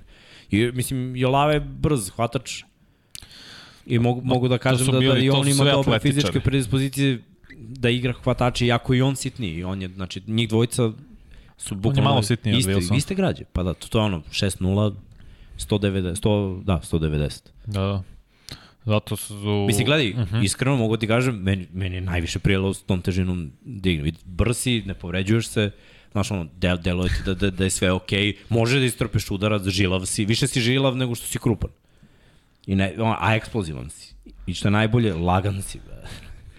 Ne znam kako ovi momci možete igrati sa 100 kila hvatača. Pazi, ali- kad smo već kod eksplozivnosti, Lionsi su skočili isto. Sad ću da, na, evo ga. Da, red wide receivera. Mm. Mhm. Bukvalno red wide receiver. Lo- Viking, Minnesota imala 12. pika, tradovala je za 32. pika, prvoj rundi, kraj prve runde 34. pika, to je malo nek početak druge runde, i 66. pika, početak treće runde. I meni se sviđa za oba tima trade, i čak i za Minnesota, ako su mislim da su trebali da izaberu cornerback, ali Lionsi su dobili meni najbolje hvatača. Brz, eksplozivan, hitar, čim stvori malo prostora, on je neuhvatljiv. To je stvarno neverovatno, ko, to je taj Rick Hill brzina. To, na tome podsjeća. Samo je u glavi Jameson Williams normalniji nego što je Tarik bio kad je izlazio sa koleđa. Well, gledaj, James, nerealna brzina, sva oduševljen sa njim. dve godine bio neproduktivan, otišao je na drugi univerzitet, postoje ekstremno produktivan, videlo se sve i on je sitni hvatač, isto. Yes. Ali Detroit baš nema lice franšize, nema hvatača i mora neko da hvata i da pravi poene. Mislim, ne- neko mora da dobije utakmicu za njih. Veliki problem za njih će biti Jared Goff. Mislim da. Da. Da, da, će ih to pratiti jer ono, sumnjam da, da Jared Goff zna da radi s ovim. I, i kad bi imao još jednog takvog na drugoj strani možda bi znao, ali problem je u tome, mislim šta znam, ovaj, Amon Ra, Onako. Nije, nije mi to to. O, o, mislim da će ovaj biti mnogo bolji. E sad, hvatači su baš krenuli jako da idu. I onda u ovom trenutku, znaš, gledam draft i znao sam da će biti. Ja sam rekao 6-7. Reakcija. I ovako idu tu, tu, tu, tu, tu. Hoće li ostati neko čoveča, tići će on, znaš, ne, ne znam koji su 10 najboljih, znam, ono, 6-7. Rekao sad da, da krenu da kopaju, da mi iznenađuju nekim imenima. Bilo mi je malo čudno, ali ima smisla za Detroit, stvarno ima. I jedino, mislim da se ma, ovaj, Williams malo smorio. Jes, sigurno. Zato sam Videlo se malo kad je izašao ono da, da je bio ono kao, dobro, kao radostan, mislim ušao u NFL i prvi pi- pik prve runde imaće pare i sve to, ali sad je u rebuildu i taj rebuild će trajati, to, to je ono tri godine. Sigurno traja taj rebuild. Hoće znači, sve dok je Jared Goff, quarterback, da nisu tradovali 34. pika, ja verujem da bi išao Malik Willis. Mislim, nisu Pa. mogli da znaju da će ostati on, kao i quarterback, ali da ako postoji neki način da traduju opet na vrhu druge runde, mislim da bi izabrali Willisa odmah u sekundi. Pa da, nije nemoguće. Nije nemoguće uopšte. Hoćemo dalje? Hoćemo da idemo u sledeću akciju i tu je onda došao mali prekid, defanzivni tackle je stigao kome? Philadelphia Eaglesima. Da. Kako? Da. Pa dobro, Fila je u ovom trenutku, znači ovi tradeovi, ja sam najavio, mi smo radili nekoliko puta i mock i sve, ali sam najavio da će biti tradeova, jer ima smisla za neke ekipe. Iskreno, Filu nisam video kao tu ekipu, su imali 15. da se spuste na 13. Ali u ovom trenutku, evo, zamisli, gledaš svoju tabelu i gledaš najbolje igrače na svim pozicijama i stoji ti na defanzivnom teklu najbolji igrač. I on je tu. I Texansima fali bukvalno sve, tako da i oni mogu da ga izaberu. Um, imaš pikova kasnije i ne košta te mnogo, drugo znaš da izabereš defanzivnog linijaša i imaš jednog koji je vrhunski rašer, imao si legendu franšize, bukvalno, što da ne izabereš, za, bukvalno izabereš mlađeg Fletchera Coxa koji je ono run stopper, daš par pikova na zajam Texansima neka uzmu te kasnije runde i dobio si tenka. odabereš. Ba, ba, pa to je to. Nije, nije to samo tank, to, to je lavina. Lavina u sredini ofenzivne linije. Ko, ko je ono, zapušava sve što treba. On je najbolji defanzivni tekl. I da. samo je bilo pitanje, znaš, za defanzivnog tekla da budeš izabran više, mislim da je bilo nemoguće ako uzmeš obzir skill koji je bio na ovom, na ovom draftu. Jer na ovom draftu je bilo dosta skilla na kornerima, hvatačima i ofanzivnoj i defanzivnoj liniji, tako da je tekl morao da padne van top 10. Ali nije mnogo pa šta 13. pik. Pa nije, plus Jordan Davis koji je, što smo rekli, stvarno medved sa 198, 150 kila, plus taj medved koji Mislim, da trči, ima, mislim da ima 155 kg. Znači ono, koji trči 4, 7, 8, da. 40 yardi, Da. koji je eksplozivan, skočio je preko 9 inča iz mesta, mislim, to je... da, U da. životu nisam vidio toliko čovjeka da je tali, toliko eksplozivan brz. To je taj prvi korak i kako ima taj buluraš, unese dvojicu. Da. Ne, ne znaš šta ćeš sa tolikom Ma količinom gled, čoveka. Čak i da ništa, da ih ne unese. Samo da, da ostane tu, on je zapušio gap, nema Da, da. da. trčanja tu. Mora da ide oko njega ili preko njega. Znači, lakše ga je preskočiti nego se obići. Ali stvarno neverovatno. Pazi, 4-7. 4-7 toliko u Evropi trče u principu hvatači. Da govorim publici, jeste Mikse večeras raspoložen. O? Bio je onako još i usporio se na početku, kad je skinuo duksericu, kad je skinuo trenerku kraj, kad su sednule ruke. Vruće, ljudi, brate, ovde. Vruće, e, klima nam stiže nova. Odlično. Stiže nova klima, moram se spremiti za, za leto. Pre nego što krene zaista ludilo. Tražimo neku super tihu. Da. Dobro je. Dobro bude je da ne bi morali da puštamo ovde eto što sam vrući. Eto što sam vrući. Kažu ljudi kako ne bi bio za- zadovoljan Mikse kad šta ste, kako ste prošli na draftu. Odlično, čekaj polako. Ideš Čekaj. pika. Pa mislim, uvaženo skočem, rekli smo mislim, Ne Jordan- moram. Nema je skačemo E, nigde. Pa nije Ne- sledeći. Šta? Nema Jimmy da padamo i skačemo. Ali, Kyle Hamilton. Tako je. Pa pazi, Rokaj. iskreno, Ljubomorac. Ra Ravensi, u on, eto, to je ista priča. Kao Fila. U ovom trenutku, Pazi, ovo je ozbiljan safety. u ovom trenutku sediš i gledaš šta ti sve treba. Treba ti edge rusher, možda izabereš četvrtog najboljeg. Treba ti i safety, evo ga prvi. I, i, i Jednostavno u principu naj, naj, kompletni, ozbiljan najkompletniji defanzivni igrač ovog drafta. Kada gledaš da ga staviš Jeste. odmah i može da igra. Šta mu ide na ruku? Ima drugog koji je jako dobar, mislim. Marcus Williams je dobar safety. Jeste. Koga su potpisali, sad imaš dvojicu, imaš dva brutalna kornera. Mislim, moje mišljenje je da Ravens imaju najbolji tandem cornerbackova u NFL-u i videli smo da je bilo tako kad su bili zdravi. Nisu igrali prošle godine. Ali Marcus Peters i Marlon Humphrey su brutalni cornerbackovi. I sad imaš startnu četvorku. Prvo svi su visoki, Humphrey je visok, ima 6-2. valjda. 6-4. A, Henry misliš da... da Hamilton, Hamilton, Hamilton je 6-4. Znaš, i on pogledaš tu dužinu. To je ono što ti treba. E sad, šta je problem za Ravens? Nemaju defensivnu liniju. Čekaj, i je klasična kinetička energija. Vidimo zadovoljstvo kad se spomene Jeste. masa. Gledaj. Še, na, znaš ko je poslednji safety koji je ovako igrao ovim gabaritom? 6-3-6-4. Ko? Sa 100 kila. Sean Taylor. Rest in peace.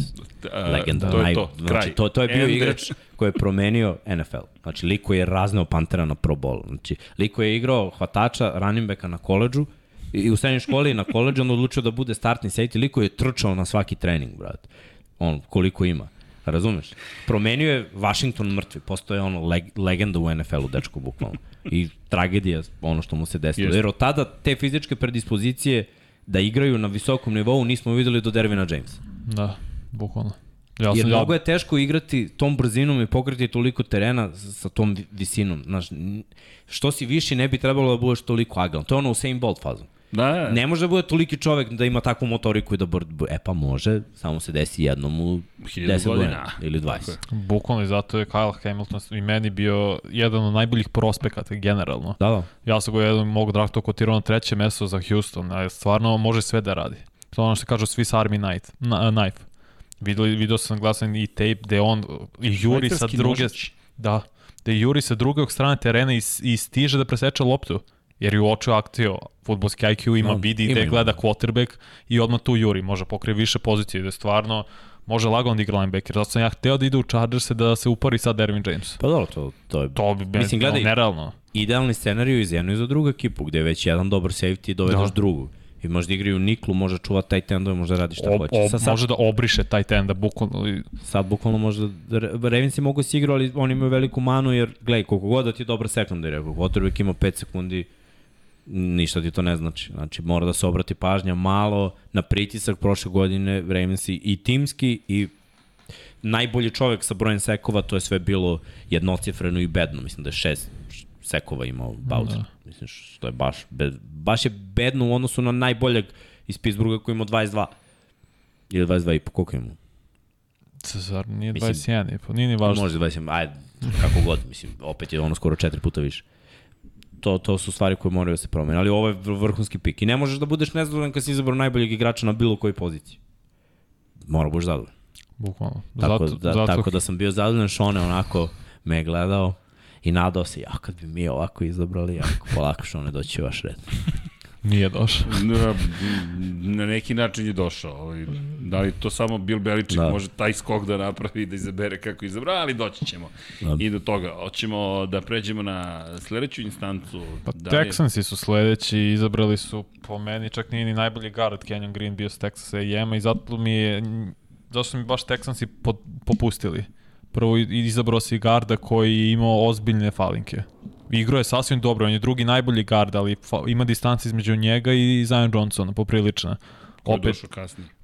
I kasnije u Chargers, da. Tako je. Uh, guard u poređenju sa pre bi izabrao četvrtog uh, tekla nego prvog garda. Mnogo vrednija pozicija i bolje tako da gradimo ofenzivnu liniju.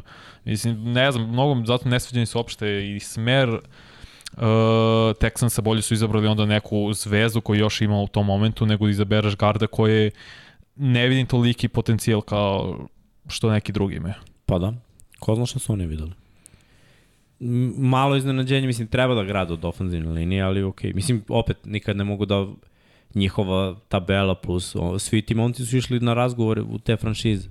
I to se gleda malo kakav su ostavili. Znaš, ajde sad da sklonimo po strani malo taj tape i kako su igrali i sve to, možda im se svidao kao čovek i, i to je vrlo važno. Mi to uvek stavljamo nekako on u zapeček, ali možda jednostavno neko ko je bolji igrač, ne sviđa ti se, nije ti pogodan, nije imao neku dobru interakciju s trenerom, s kime god da je pričao. To je to čuvena priča, oni kad odu i skautuju ga ili kad popričaju sa no. nekim pa vide nešto, znaš, ako ne uklopaš se u kulturu ili hemiju, to što ti pričaš. To. A ko, ko, koja je kultura Houstona? Pa gledaj. Aj sad, aj realno. Evo gledaj, bolji igrač da ode da igra u mrtvi Houston, u tim koji je u rebuildu, verovatno ima neku energiju koja nije ono, došao bi da igram, znaš, već je onako malo distanciran. I ne svidi ti se ta energija.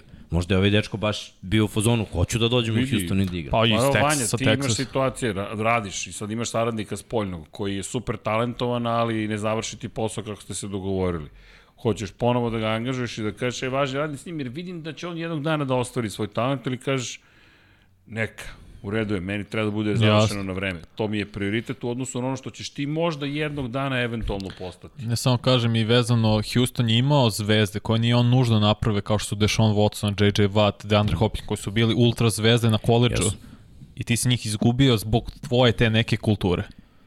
I šta govori to o tebi kao franšizi koji dalje očigledno ne zna da gradi kroz draft, a trebalo bi, imao si dva pika u 13, uzo si posle još pika, super, ali nisi izabrao pravi igrače jer ti ne možeš da gradiš igrače, jer ti sa elitnim quarterbackom nisi mogao napraviš nešto, zato što ostatak tima nisi mogao da sagradiš. Da, a pazi, nije, da nisi imao talent.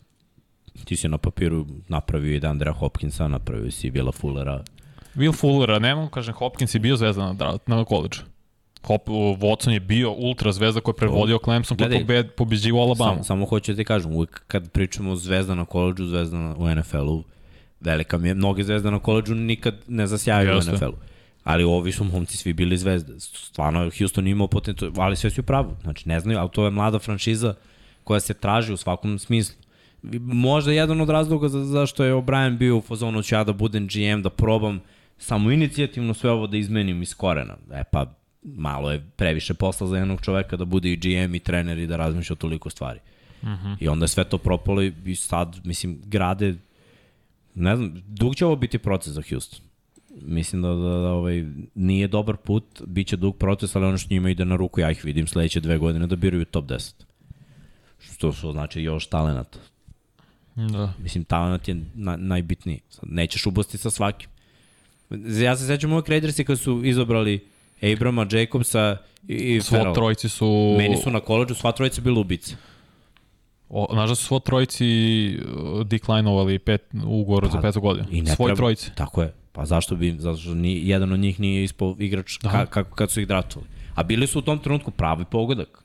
Svako od njih je... Uf, za Ferela kao četvrtog pika tad sam isto rekao Možda je bio prerano, ali bio Prerano. produktivan, znaš, bio Bio dobro. Evo gledaj Jacobs i Abram. Abram bio ubica udarač, ovaj bio ubica trkač. Šta si dobio od njih? Jednu i po sezonu. Da. Tako da ne mora da znači. Daj, Šta, šta će Commander se dobiju od Dotsona, Penn State hvatač? ne znam. Ne znam, jer, jer on meni nije bio, imao sam bolje ovde u ovom trenutku. Ako je otišao Drake London, delovalo mi je i oni hoće visokog, krupnog, jakog, to je bio Burks, po mom razmišljenju. Burks Da. je AJ Brown, malo veći AJ Brown. To Jasno. mi je bilo onako, u stvari, ne znam, Diki Metcalf sa fizičkim atributima AJ Browna i načinom trčanja AJ Browna. Znači, ma, ma, malo mekši.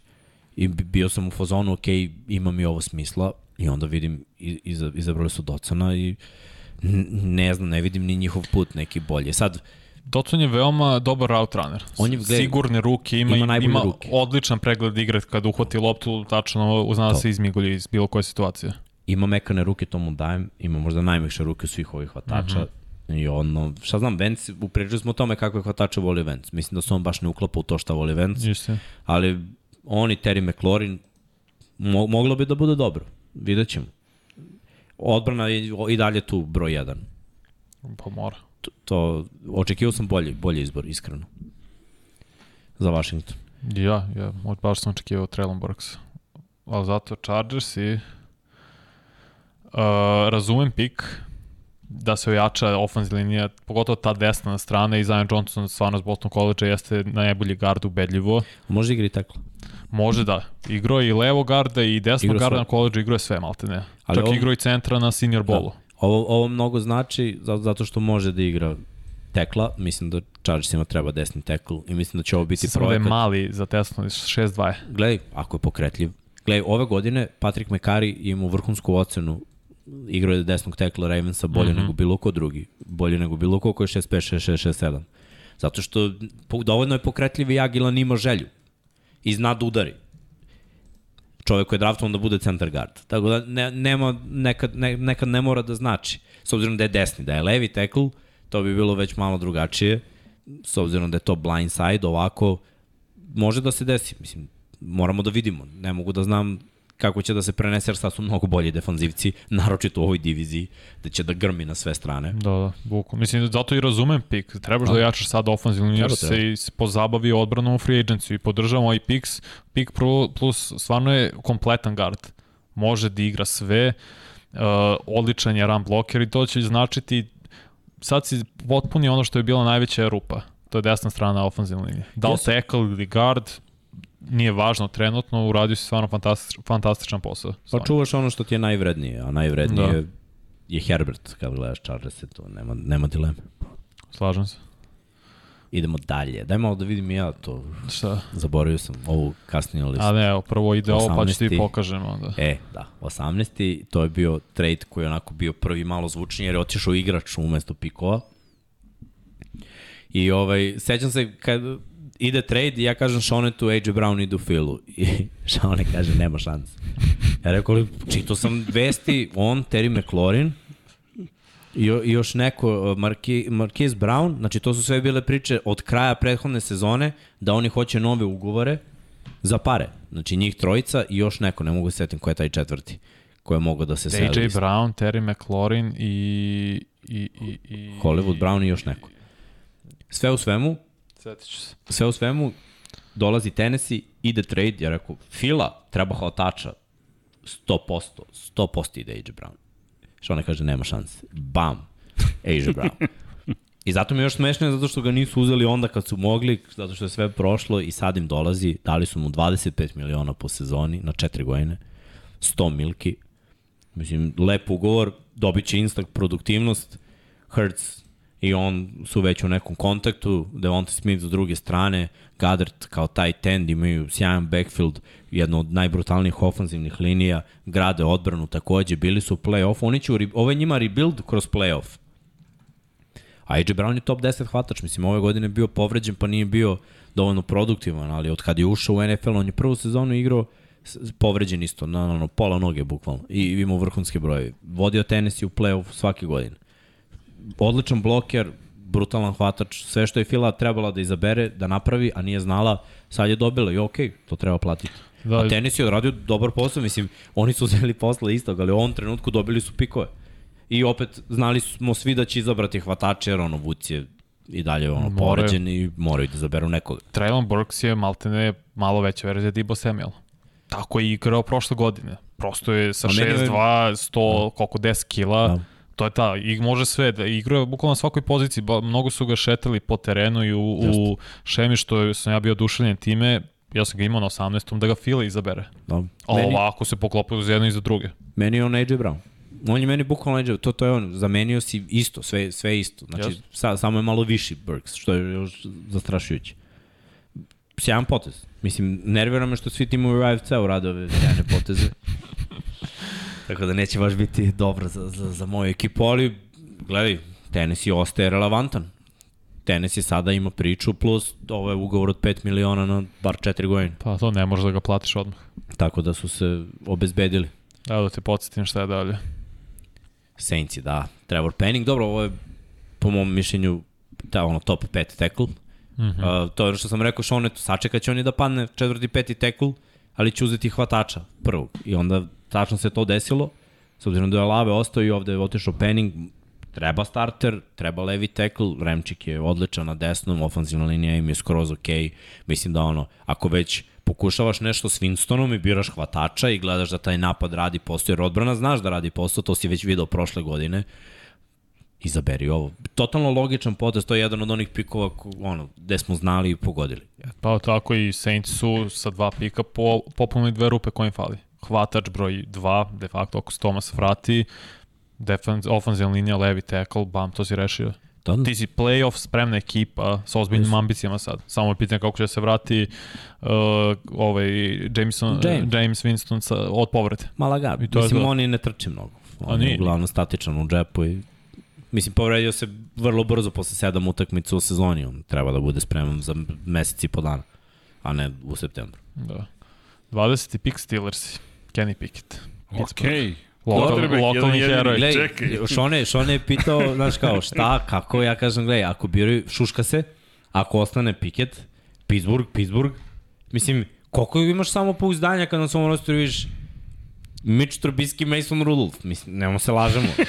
to ti je kao ono kao, imam dva, autom, imam dva automobila u garaži, Fića i Peglica, bre. Mislim, imaš. A ne, pitanje dok ćeš da stigneš. da, imaju volan, imaju točkove. Da. Vidim da, da si u Pitanje je šta je Piket. Pa, Mi gledaj, ne znamo šta je Piket de facto. Mogu jer... ti kažem šta je odmah bolje mm. od njih, popularniji. Ja, apsolutno. Vidi, ovo je, apsolutno popularniji. Ako ništa drugo. Znaš ko je ovo? Team Tebow. Misliš šta vrsta... Taj, taj fazon no. popularnosti. Pa o, okay, ne kažem igrača. Ne mogu Mnogo bolji igrač. Ne, ne, ne, ne pričamo igraču, ali da. Tim Tibo je ljubav. Znaš, yes. on je ono, veliko srce, se pojavio na terenu, v, v, svi, nema koga nije volio. Ček, on je uterao Denver bre, u, u, u playoff. Veruj mi, to mi liči na tu celu priču, znači Tim Tebow, beli quarterback uh, i sa tog mesta je religija, cela priča i tako dalje i tako dalje. Ovo, Pele, ovo je idealna priča, znači ovo je ono, malo više pozicijno Jared Goff priču, Cal, LA, ovo je Pittsburgh, Pittsburgh, ima smisla, ima i tekako smisla, ne mora da bude starter odmah, može da uči, bolji atleta od obojice, Vidi, Uf, on je taj... ne znam da li je bolje od Trubiskog, ne, ne, ne, Trubiski je ozbiljna atleta, da su, ne, ne, to neće, to neće. Vanja, Trubiski se plaši da trči, može onda bude Ali bolje na flag futbolu. Bolji atleta, meni je Piket atleta. Gledaj, postoji atleta na flag futbolu i postoji atleta u, u kontakt futbolu. Miš Trubiski kad krene da trči i vidi da neko prilazi i u frci, to, za, ja ga zato ne volim. Ja tako quarterbackove ne volim. Meni je Baker hrabri sto puta i bolji mi od Trubiskog, zato što Baker kad vidi da neko ide, Baker će da gleda da baci i da dobije udara, za, zato je kljakav ceo život, zato što čeka. Vidi. Ali Mitch se povređuje tako što vidi, izbega udarca. Vidi, ovaj dečko je, on je fini momak iz dobre porodice, to je, sve je našminkano, divno, krasno, itd., itd., itd. I Ben Roethlisberger je otišao u penziju, ovo ti je neka vrsta uh, naslednika koji bi eto mogao da vodi u snovima, ne kažem da će to tako da, da, da se desi, ali to je taj sajam koji sanjaš i kada kažem beli quarterback, nema to veze sa, sa rasizmom, nego u kontekstu toga što ti to nasledđe, e, ovog smo već imali, ovog već poznajemo, samo staviš novu verziju toga i ideš dalje. Da.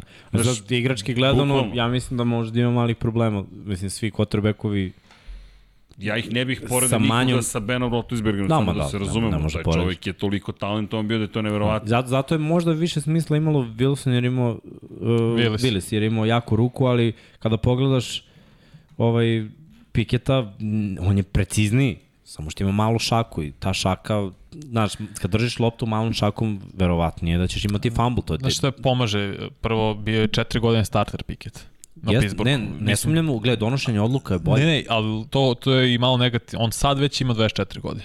Ima. Prošle godine i prethodne gledali smo quarterback koje koji ulazi sa 21 i dom, dominiraju. On jeste bio najbolje rangirani quarterback, najbolje ocenjen strane Pro Football Focus, ali opet slabiji protivnici. Pittsburgh ne igra u jakoj konferenciji na college Stoji. futbolu i to iskustvo koje već ima i nagledo se svega, znaš, ti si tek u četvrtoj godini kao starter eksplodirao. Pre toga si bio relativno prosječan quarterback. A? To ne, me, ne, ne, zato ja ne bi, zato bi Willis zbog potencijala stavio prvu rundu, a ni jednog drugog. Dobro, ali ovo je bila druga priča. Ja mislim Jest, da je ovo samo bila priča here. Pittsburgh, Pittsburgh i da, da je imalo smisla za njih. E sada vidjet ćemo. Mislim, quarterbackovi koji bacaju s rukavicama, s dve rukavice, to je ono Teddy Bridgewater i on.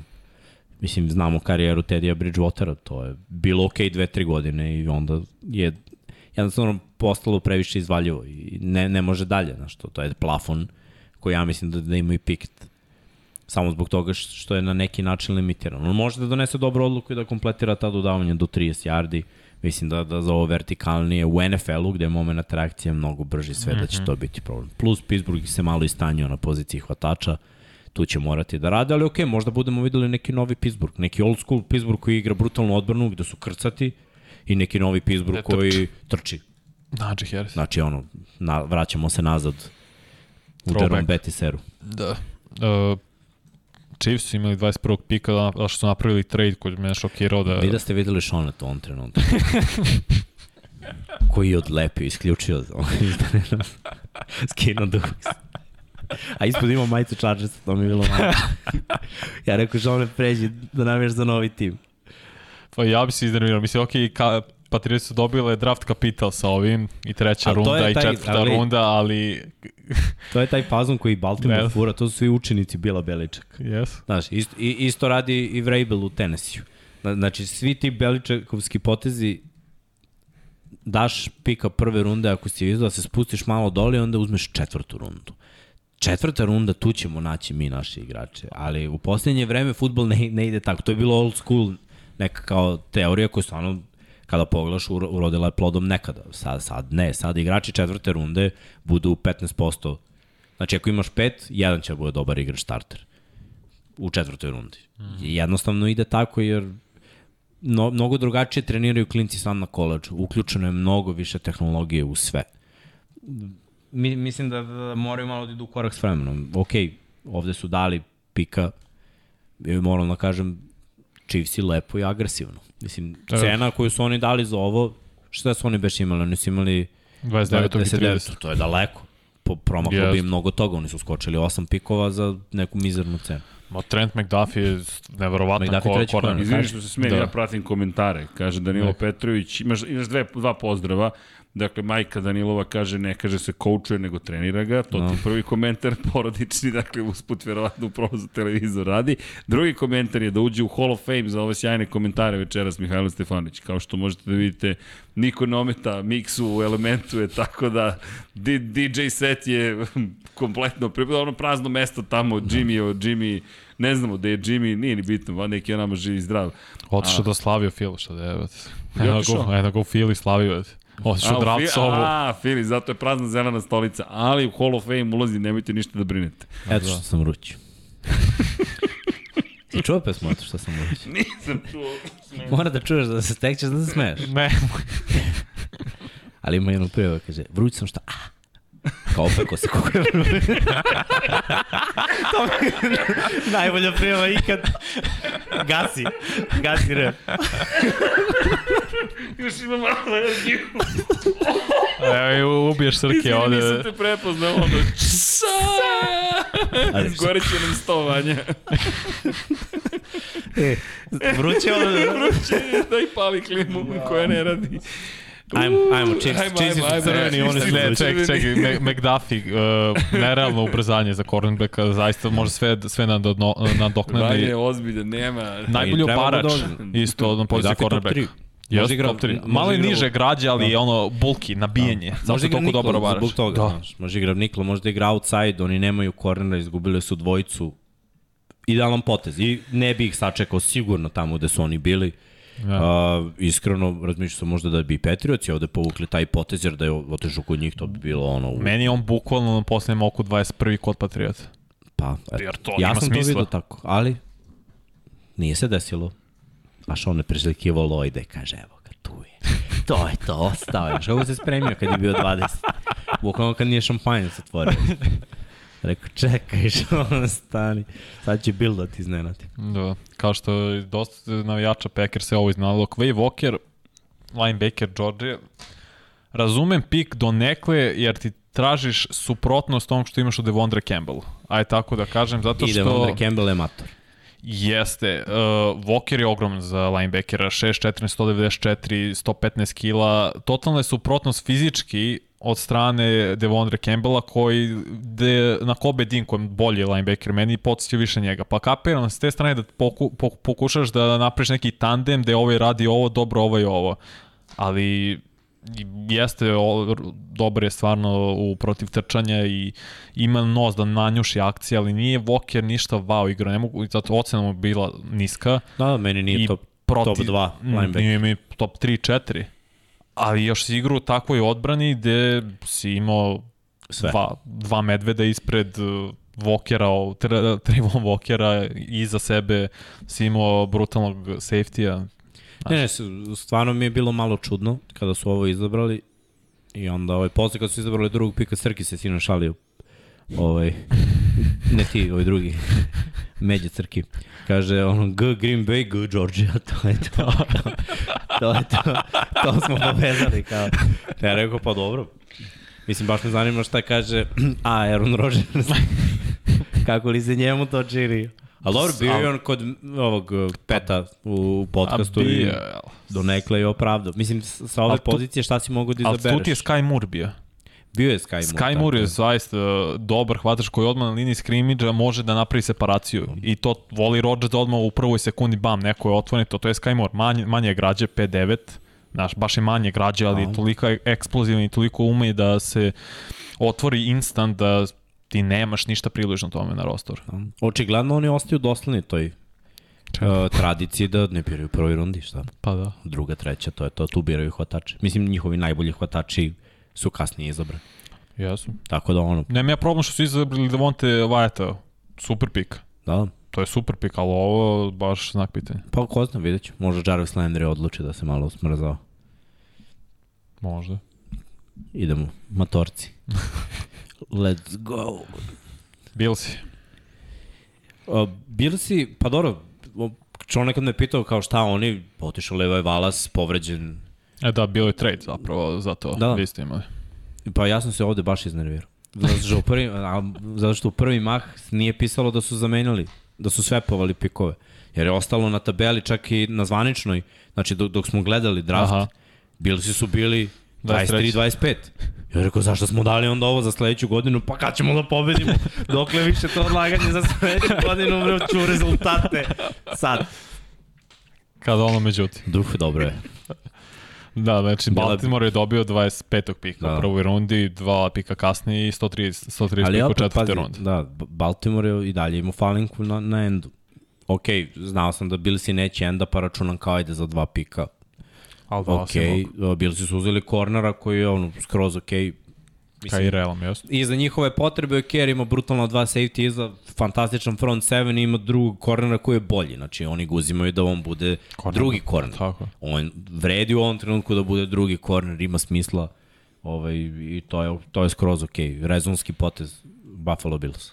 Da, slažem se, apsolutno ne bi se zadržavao uopšte na Billsima, po, popunio si ono što ti je bilo neophodno, de facto. Pa da. Skočio si zato što možda bi Dallas, jer je stvarno Dallas, Dallas šta je izabrao, to je priča sebe, Tyler Smith, ofenzivni tackle sa Tulse, koji je meni šesti, sedmi, koji imao 16 prekršaja, prošle godine 12 mečeva. Dobro, ali se prezio Smith.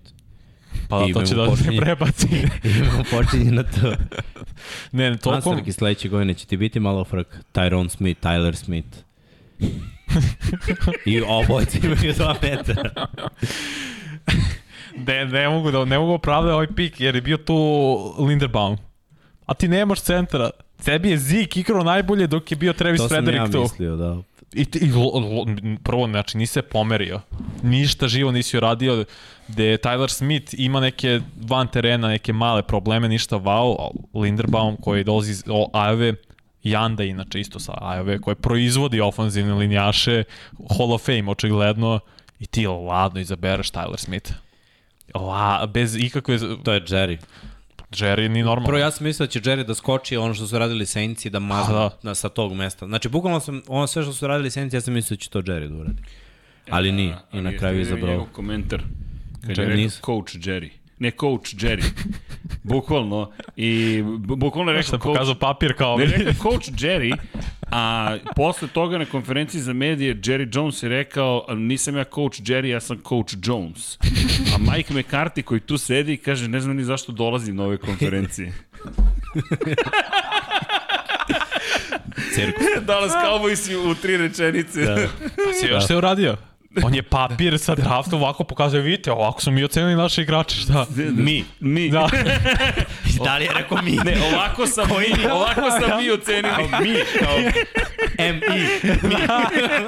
možda, da, možda. Jerry.me. Bukvalno, ne, ja, neverovatno. Ali McCarthy koji, kao, čemu, došao sam po platu. Pa, Pa da, bukvalno. Ma nije bre ni to loše. Ma nije loše. Nije loše. Čekaj, ali kao obavi posao za tebe, a ti radiš to. Daješ te pare. To, to, to, da. Šalji Jerry. imam ljudi ovde. Imam, imam sjajnog glavnog kouča za vas. Ja sam u menadžer. Aplaudira jako. Svi unučimo lepo, sve veselo. Strašno. Ekskluzivni intervju za 99 yardi. Coach Mixa. Da. Pa Jerry ima ne, ne, svoj radio. Coach Jerry. Coach Jerry. ja ne znam. Mr. Mixa. ja ću tu da budem i da odgovaram na pisanje medija. Tako. Pa tamo Jerry bi se pojavljio u 99 yardi. Je to Garrettov move? Jeste, Coach Clap. Wow. Coach Clap. Idemo. Dobro. Dobro, i to je specijalni kutak. Coach Clap Corner. e, baš me zanima šta će kasnim rundom da urade. Pošto sad trenutno ih je Fila pojela. Bukvalno. Fila... Fila je u ovom trenutku odradila posao na, na draftu da iz rebuilda postane bolji tim od Dallasa koji je bio u playoff. To je nevjerovatno. No da. To to se ne dešava često. Dobro, i Fila je bila u play-offu. Ne, ne, ne, Fila, zato kažem, Fila je bila u rebuildu u play-offu. I nakon rebuilda u play-offu, oni su sad bolji tim od Dallasa, koji je prvi bolje, favorit i koji je trebao da bude top 4 tim u NFC-u. Treba da pojede ovu diviziju zapravo. La, i to, da. lagan. I to, da, A dobro, to je ta priča već 4 godine. da. Samo što se nije desilo. Desilo se jedne godine od 4. to je kod Jimmy Fioka. da. Čke nije se desilo. Da. Ja, dobro, da su vi dobili Tyler da. Lindebaum. To je glavna priča e, i ja sam je, oduševljen ovim pikom ono, za vas. Kada ti si to jednom rekao, meni nije delovalo kao moguće, jer Ravens imaju, znaš kad imaš nešto i stalno gledaš od svoje ekipe jednu stvar i stalno ti govore, znaš ono, mora neko da bude ovakav ili onakav. I Ravensi nikad ne biraju ofenzivnog linijaša ako nije 6-5. Nikad. Da mislim, nikad ne izabereš neko ko je ispod 6-5. Ali? Ali? Ali, sada su očigledno izašli iz te neke komforne zone zato što je ovaj dečko najbolji centar koji je izašao ove godine, godine na draft. Drugo, otišao ti je Bozman, da je Bozman tu, ne bi izabrali ovo. Ali Bozman otišao u Karolinu, Bozman je taj prirodni centar odličan na pulovima, isto kao što je Lindebaum. Ali ja se samo setim pre dve godine kad je Bozman igrao levo garda i kad je Mekari igrao ovaj centra i kad je ovaj drugi momak, ne mogu setim kako se zove, igrao centra takođe. Pa i u play-offu protiv Billsa, oni snap 20 yardi iza Lamara.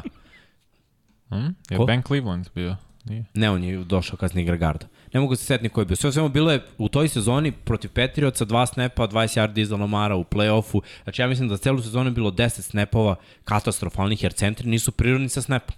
Ovaj momak je prirodan sa snapom, brutalan bloker, zna da iskoristi tih svojih 6-2-6-3, koliko god da ima. Jednostavno lepo se okreće, lepo se kreće iz pulova. Uh, je može da i tekako pomogne Ravensima koji imaju iza njega, znači i fullbacka i dva tight enda još dodatno i tri running backa i Lamara koji je running back, znači ako je negde mogao da upane i da blokira za trčanje, I da. ovo je za njega san. Drugo, rekao si već tu povezanost Iowa, Janda, ovo ono. Mislim, gledaj, ja mislim da je sam svakog ofenzivnog linijaša da igra u Baltimore ili San Francisco. Ako nije, onda ver, Pa ono, dobro, mnogo grešimo, ali to su dve ekipe koje mnogo trče, E, to, da. a ofenzivni linijaši najviše vole da pregaze nekog. Znači, ti da vidiš tu sreću njih. Znaš, ono, Kao malo ja se dete. sećam, ono, ulazimo u hadlu, prva akcija uvek je opipavanje. Razumeš i ono, uvek je ran da, da, da se proba. I da vidiš kako se oni vrate u hadlu posle prve akcije. Meki su, znaš, kao možemo ceo dan. Ali znaš, kao gledaš, malo dete kad mu daš, ono, za- ja imam sestriće malo pa mu dam da igra Sonic kad dođe. On odlepi, brat. Da! Razumeš, to je bukvalno ofenzivni linijaš. Odrastao čovjek koji živi od toga da gazi neko. Bukvalno. E. Ne, mislim da ste Biće dobili Biće iskreno pro ball centar za narednih 7, 8 do 10 godina bez ikakvog problema. Je ozbiljna zaista, pozicija. ljudi, zaista, ovo je zaista. Jedna od važnijih Da. pozicija. Kako ne? Redko se priča o njoj, ali mislim da ste dobili baš ozbiljnu osnovu. I opet u poslednje vreme vlada taj trend da kada biraš ovakve igrače u prvoj rundi, to je produktivan igrač. Znači, prošlo je vreme kad izabereš centra u četvrtoj i petoj i on bude Može da se desi, ali slabiji. Izabereš u prvoj i to je to, da je najbolji centar. Ne, ovo- Ne, ne može da bude super loš. ste prošli. Da, ja sam prezadovoljan. Kao I ja. Lamar se isto oduševio, malo se smorio, Pa se zato što je, zato što je idealno rečeli ste. E, to, to, da, to nismo rekli. Nismo Kako rekli, su da, Revenci zapravo. došli do 23. pika. A, Došli su tako što su uz, otrli od vrabaca. Ovaj, dali su im Markisa Brauna. Evo vam još jedan vrabac. I uzeli su tog 23. i Pojeli i četvrtu. četvrtu rundu. Sad imaju šest pikova u četvrtoj rundi, baš sa radujem tim pikovima. Ali Marquis Brown je želeo pare, mislim, iskreno, u, ovoj, u ovom svetu gde, gde Christian Kirk vredi 18 i Marquis Brown vredi 18, ako ne i 20. A realno ne vredi ni 15. Znači imao je jednu sezonu od 1000 yardi. On je Istina. ok playmaker, ali nije broj 1 hvatač. Takvi hvatači su broj 2. To su ti sitni hvatači. Dobro, to je ono ali- 5-9, 5-10 i brz. Ali pomaže Arizoni. Zato što imaju Deandra Hopkinsa koji je prvi hvatač. Zato I AJ pomaže. Greena imaju, I, plus i Rondell Moore. Pazi, DeAndre Hopkins jeste tip, tipa tu negde moje visine, 6.061, ali s 95 kila. I sa neverovatnim radijusom hvatanja. Znači, ono što on može da uhvati, znači on hvata dole na kopačke lopte i hvata na, na 3.20 loptu. Stvarno ne, i levom i desnom rukom, nije bitno kako. Znači, dečko je pauk. Lepi se jednostavno za njega sve. Zato je ima smisla staviti Markisa Brown u slot i da on radi to svoje, širi teren. Isto što radi i Christian Kirk, oni bukvalno Tako ništa je. nisu. Izgubili su Kirka, dobili su Markisa Brown. A plus Kyler Mare i Marquise Brown su igrali zajedno na Oklahoma. Ja da. mislim da je ovo pik bio da udovolje malo Mare zato što postoji tenzija između da. front office Card Cardinalsa i Kyler Mare. Pokupili su mu i, pet, i opciju za petu godinu. Da. Mislim da je to bio pik. Ajde, evo ti, Marquise Brown, bivši saigrač, college, super se slagali, sve to. Znaš, da bude malo da se spusti da. tenzija. Marquise Brown je mnogo bolji od Christiana Kirka, da se razumem. Ali jedan i drugi imaju probleme sa ispuštenim loptama. Naprimjer, Marquise Brown je prošle godine uhvatio 91 loptu. Imao je 146 targeta. Mnogo. Pa izračunajte matematiku. Da. Koliko lopti nije uhvatio i koliko lopti su bile neuhvatljive za njega. Nije svaka bila idealna, ali ne može ni da bude idealna kad ima 1,70 m. Da ima 1,95 m, ta lopta odjednom postaje uhvatljivija. Mislim, logično. Da, da, slažem se. Zato Jetsi odma i trade je bio da bi došli, Šta sam rekao? Ko je zadovoljan? ti si najzadovoljan. Ko je zadovoljan? Jetsi Jermaine pobedili. Johnson uh, drugi. Da, gledaj, on je ostao onako, meni je malo bilo čudno, s obzirom da, da je čovjek stvarno, kada pogledaš fizikaliju i to, to je isto starter, jako dobar. Imalo mi je smisla, kad sam vidio trade, verovao sam da ide odbrambeni igrač. Imao sam u glavi, znači, ili je linebacker zamena za CJ Mozleya, koji je tu godinama i koji mora da ode nekad, a opet on pola nije ni igrao od ovoga što je igrao za Jetse, Tako da mi je imalo smisla linebacker ili edge rusher, jer je bilo gotovo izvesno, znači posle dva ofanzivna pika da ide defanzivni. Za Tennessee, iskreno, oni su dobili kao eto par igrača malo da porade na dubini na kojoj moraju da porade. Mislio sam da će oni ovde birati hvatače, iskreno, da će ostati ovde da bi izabrali Da. hvatače. Imalo mi je smisla nekako, otišao AJ Brown, A izaberi pošto su sada. pokupili Ne, ne znam, nego, znaš, u tom trenutku mi je bilo da li će ostati. Malo, malo sam se zapitao da, da li će imati priliku da izaberu, ali okej, ajde da kažem. Ali ja sam prezadovoljan. Da. Ovo je potencijalno vrlo ozbiljno igrač. Sek machine su, rekao, su, tako su ga opisali. Pa, Bukvalno prošle godine u proseku igrao 61 snap po meču. Da. Znači na terenu je stalno, nije kao Jordan Davis koji je nevjerojatan, ali propušta, i umori se toliki čovjek, znaš. To Jermaine Johnson iz 6-5, to je taj To su to sad fizikalije i predispozicije koje su tražene 6-5 edge rusher koji se toliko uh, brzo spusti u kukovima i savije da može prosto prođe, da iskoristi svoju eksplozivnost, da prođe pored ofenzivnih linijaša. I gledaj, ono što je mene najviše oduševilo, Aha. jeste što on ima tu, treba imati neka, kad dođeš do seka, kad dođeš do pritiska, svesnost u prostoru. Znaš, ima igrača koji odrade svoj posao i onda su pogubljeni u prostoru i vremenu. Znaš, ono, lopta pada pored njih, ali oni su, a, završio sam sek. Prate, akcija nije gotova, ono, gledaj je lopta. Ovaj dečko je iznuđivao fumblove, kupio fumblove i vraćao ih za touchdown. To se ne dešava često. To, to je ono, pore, poredio bi malo ono TJ Votnik, Bosa, oni imaju te momente, znaš ono, da, da i dalje isprati akciju, da li lopta pala, da li neku uzeo loptu, da moram još nekog da oborim, da li moram da ustanem, uh, kako da završimo ovu akciju na najbolji mogući način. Kao Plus. Chase Young što je radio u prvoj sezoni, Tako. kada je nekoliko puta to radio, kao Khalil Mack kad je došao u Chicago. Znači, okej, okay, izdominiraj svog čoveka, iznudi fumble, napravi sek, ali ajde vidimo da je lopta, jer najvrednije u američkom futbolu je turnover. Izgubljena ali osvojena lopta. Taj bilans na kraju često odluči pobednik. I ti kad igraš samo za sekove, to je tvoja individualna statistika. Sve je to lepo. A na, ono, na kraju krajeva iznuđeni osvojeni fumblovi, to, to donese pobedu. Plus Srki ide kod Robert Sala, koja je odbrana zapravo jača strana i sad ta defensivna linija Lawson, Rankins, Quinnen Williams, Solomon Thomas, Jermaine Jones. Brutalno. Ne, Jetsi rade na gledanje. Odličan posao, odličan posao. Opet je smešno što oni rade rebuild bez ikakvog plana, po mojom mišljenju, da uđu u playoff, jer imaju sledeću godinu gde tek mogu da nadograde tim, ali do sledeće godine promenit će se stvari unutar divizije još mnogo puta i oni imaju pravi put. Znači, ovo je pravi rebuild. Znači, nisi radio rebuild prošle godine da prošle godine budeš uspešan, nego da bude ono, ok, stagnacija, da bi imali još talenta. Nisu imali talenta. Ove godine sad već imaš talente. Ok, daj nam neki rezultat. Šta je rezultat po mom mišljenju? Neka Atlanta sezona od prošle godine. Daj mi nekih 6-7 pobjeda, ali budimo u tim nekim utakmicama tu. Da ne bude ono ko prošle godine bilo je malo smešno od Patriotsa i od Billsa izgubiti onako sa, sa ono je blowout. Znači, ne sme blowout. Mora da, znači, Detroit imao poraze prošle godine, nisu bili blowout. I ono, ok, na kraju krajeva ti gledaš koliko oni imaju pobjede, ali malo je bilo lepše gledati tu energiju. Mislim da Jet se čeka to ove godine. I još jedna stvar, to su sve divizijni rivali. Znaš, to isto mislim da mi treba da izgradimo u celoj priči. Da, da u diviziji ne možemo tako da prolazimo.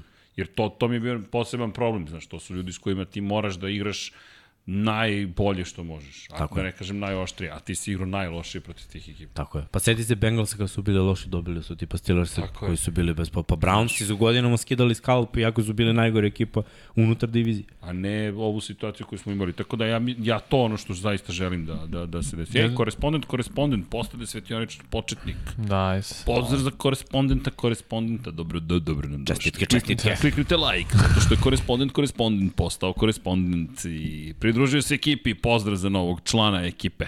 Pre nego što odemo, i opet je pa bio trade. Pa boje izađe member. A, to namešta se. Naravno, manje da je namešta. Tri pika u prvoj rundi. A? Dobro. I to ne očekivano smo dobro prošli. Široko. O, odlično ste prošli. Vidi, stvarno, ja, kažem ti, frapirao sam se par stvari. Kad se ovo na kraju jutros, kad se vidio, kako bi se rekao, okej, okay. baš nam se lepo složilo. I lepo su povukli poteze, jer ovo jeste trade Hoćemo, da. Vanja. Sledeći trade baš... Sledeći. Bakaniri su dali 27. pika odmah naravnog Jaguars i mi Jaguars skočili da uzmu najboljeg pomeni linebackera. I još jednu stvar su popunili, to u sredinu odbrane. Njima je otišao Miles Jack tako u je. Pittsburgh, tako da ima smisla. Odličan Mislim, potez. opet dali su četvrtu i šestu rundu. Bakanirci koji već imaju, da kažeš, kompletan roster, manje više mi je bilo sve jedno da li će da, da, da biraju ono na početku druge runde, što ih čeka sada. Uh, ili ovde, mala je razlika tu u kvalitetu igrača, Tako da ocenjujem ovo kao ono, win-win situaciju za obe. Mi, sumnjam da bi Jacksonville ostao ovaj momak, da su čekali Never. drugu rundu, mislim da bi on otišao. Uh, mislim da bi ga Petrioci baš izabrali, ovaj, jer su imali priliku, ali nije se to desilo i onda ovako ima smisla za njih. Prvo, on je opet free, on je nekako kao Tremaine Edmonds što se tiče veličine, a znamo kako on igra za Bills, to je redko, opet redko da, da momak te visine i težine bude toliko pokretljiva da zna tako da udari. To je sve Ovaj momak je sada, što se tiče defanzivne linije, oni opet i tu su malo poradili, pa imaju za njega neku snagu ispred, da ne, mm -hmm. ne bude ostavljeno na cedilu da mora da rešava sve. I mislim da, je, da, da Dag kao trener i tekako zna da, da se okruži uh, dobrim kolegama koji mogu ove momke da dignu na viši nivo. Znači da svaki pozicioni trener od ovih momaka napravi da budu dobri. Jer Jackson je isto, bukvalno ista situacija kao i Jetsi. Oni su prošle godine igrali jako loše, imali su ajde situaciju sa trenerom i sve to. To je baš Završili su sezonu, znači kako kažu amerikanci, ona high note. Znači, znači, viša nota nije mogla da bude od one kako su oni. Dobiješ divizijskog rivala i oni ne uđu u play-off. Ti pevaš. Slušaj Danilo što kaže, ako Piket dobije Lamara ove sezone miksa izvodi, eto što sam vruću po Lamalovom, po Lamalovom dresu. Može mi se izvodi zato što sam vrući bez toga. Eto što. vruć sam šta? zato što sam vruć. Zato što, ne, moramo da napravimo mi neku 3D. novu verziju, zato što je vruć. A ja mislim da napravimo 3D da plamen kao iz njega. Ispriča. Čekaj da napravimo prvo ikonu, čovek kaže lepo kad ćete da napravite emo, emotikon koji pokazuje miksu kako gori. Ok, imamo... Ali mora da pri, piše vruć sam šta. Čekaj, Vanja, njanja, njanja, ti si Vanja cool, ti si kockica leda. Ja sam lagan, totalno. Jimmy the coach, on mora nešto senzitivno. On je intenzivan. A Jimmy samo brojem mu stavi. da, Jedan i dva. Zar se radiš? Ali što komplikovanije. Da, komplikovanije. Sa tri zagrade. ne, ne, mora pi neki da padne, da. znaš, to, to, to, to, to. Ne znam da može da stane u, u, u emoji, ali dobro. To je za njega idealno. Znači, yes. cool, uh, hot i numbers. Da. Dobro. Jimmy the coach, Jimmy the numbers. Numbers, da. Ej, to sad zvuči već kao zaista no. neki kriminalac, to je neki ko, znaš, nešto radi sa brojevima. Ok, Jimmy, nadam se da slušaš, ako slušaš, udari like. Klikni da. like. Vanja, gde nas vodiš dalje? Uh, da završi samo na Lloydu koji je stvarno meni bio najkompletni linebacker i u coverage-u i run stopper i odlično prepoznaje igru. Stvarno se sjajno nalazio što ti kaže 6-3 je građe. To je ona neka starija škola malo linebackera, ta mm. ogromna, masivna, a odgovara, odgovara, potreban je prosto lider nekom u odbrani kao što su Jaguarsi. Tako da je to Jesi vidio energiju kad je zašao Duval, da, du... poludeo, da, da, to je bilo super, da, Duval. Da, da, ali viš, to, to ti je energija, publici. to ti je energija, znači ideš u loš tim koji u rebuildu, ali ti se ne predaješ. Ali ti si u fazonu to. to ali, idemo. Ili ćeš da prihvatiš izazov da budeš glavni, znaš, meni je to super. U selu ili hoćeš da budeš samo još jedan u gradu. Mislim, me, meni je to bolja energija. I tako timovi treba da biraju. Znači, moraš na intervju da vidiš zašto on hoće da dođe tu i da pronađe motor i čak i ako je u manjem timu. Jer Vidi, mnogo puta ti manji timovi, evo Seattle, kako je Seattle postao relevantan tim? Oni, to je oni, Pete Carroll energija, pre svega. On, on je, je prokrenuo tako, ali gledaj, on je, kad je on došao tu, ta ekipa, do tada oni su bili ono jednom u Superbowlu, ono sa Sean Alexanderom, pre toga Seattle je bilo, ne, ono, na vrhu su tamo negde, to, to. na zapadu, na severu i to je to, to je Seattle, ono, pada kiša. Bukom, ne, pada kiša, to ti je prvo... Ali jesi vidio kako su igrači dolazili posle jer su želeli da, da budu deo toga. nečega, razumeš? To isto može da se desi sa Jacksonom. To je preko potrebno da se desi sa Jacksonom. Da, ali, ali, Miamijem, Jacksonom, tim ekipama. Ali Doug Peterson to može da stvori. Može. može. On može on da stvori. Pazi, on je onaj tihi ložač. To, to, to, to, to. Pete Carroll te loži zato što te oponaša, on lud je kao i ti. A da, Doug, Doug, Doug, Doug dodaje čumur.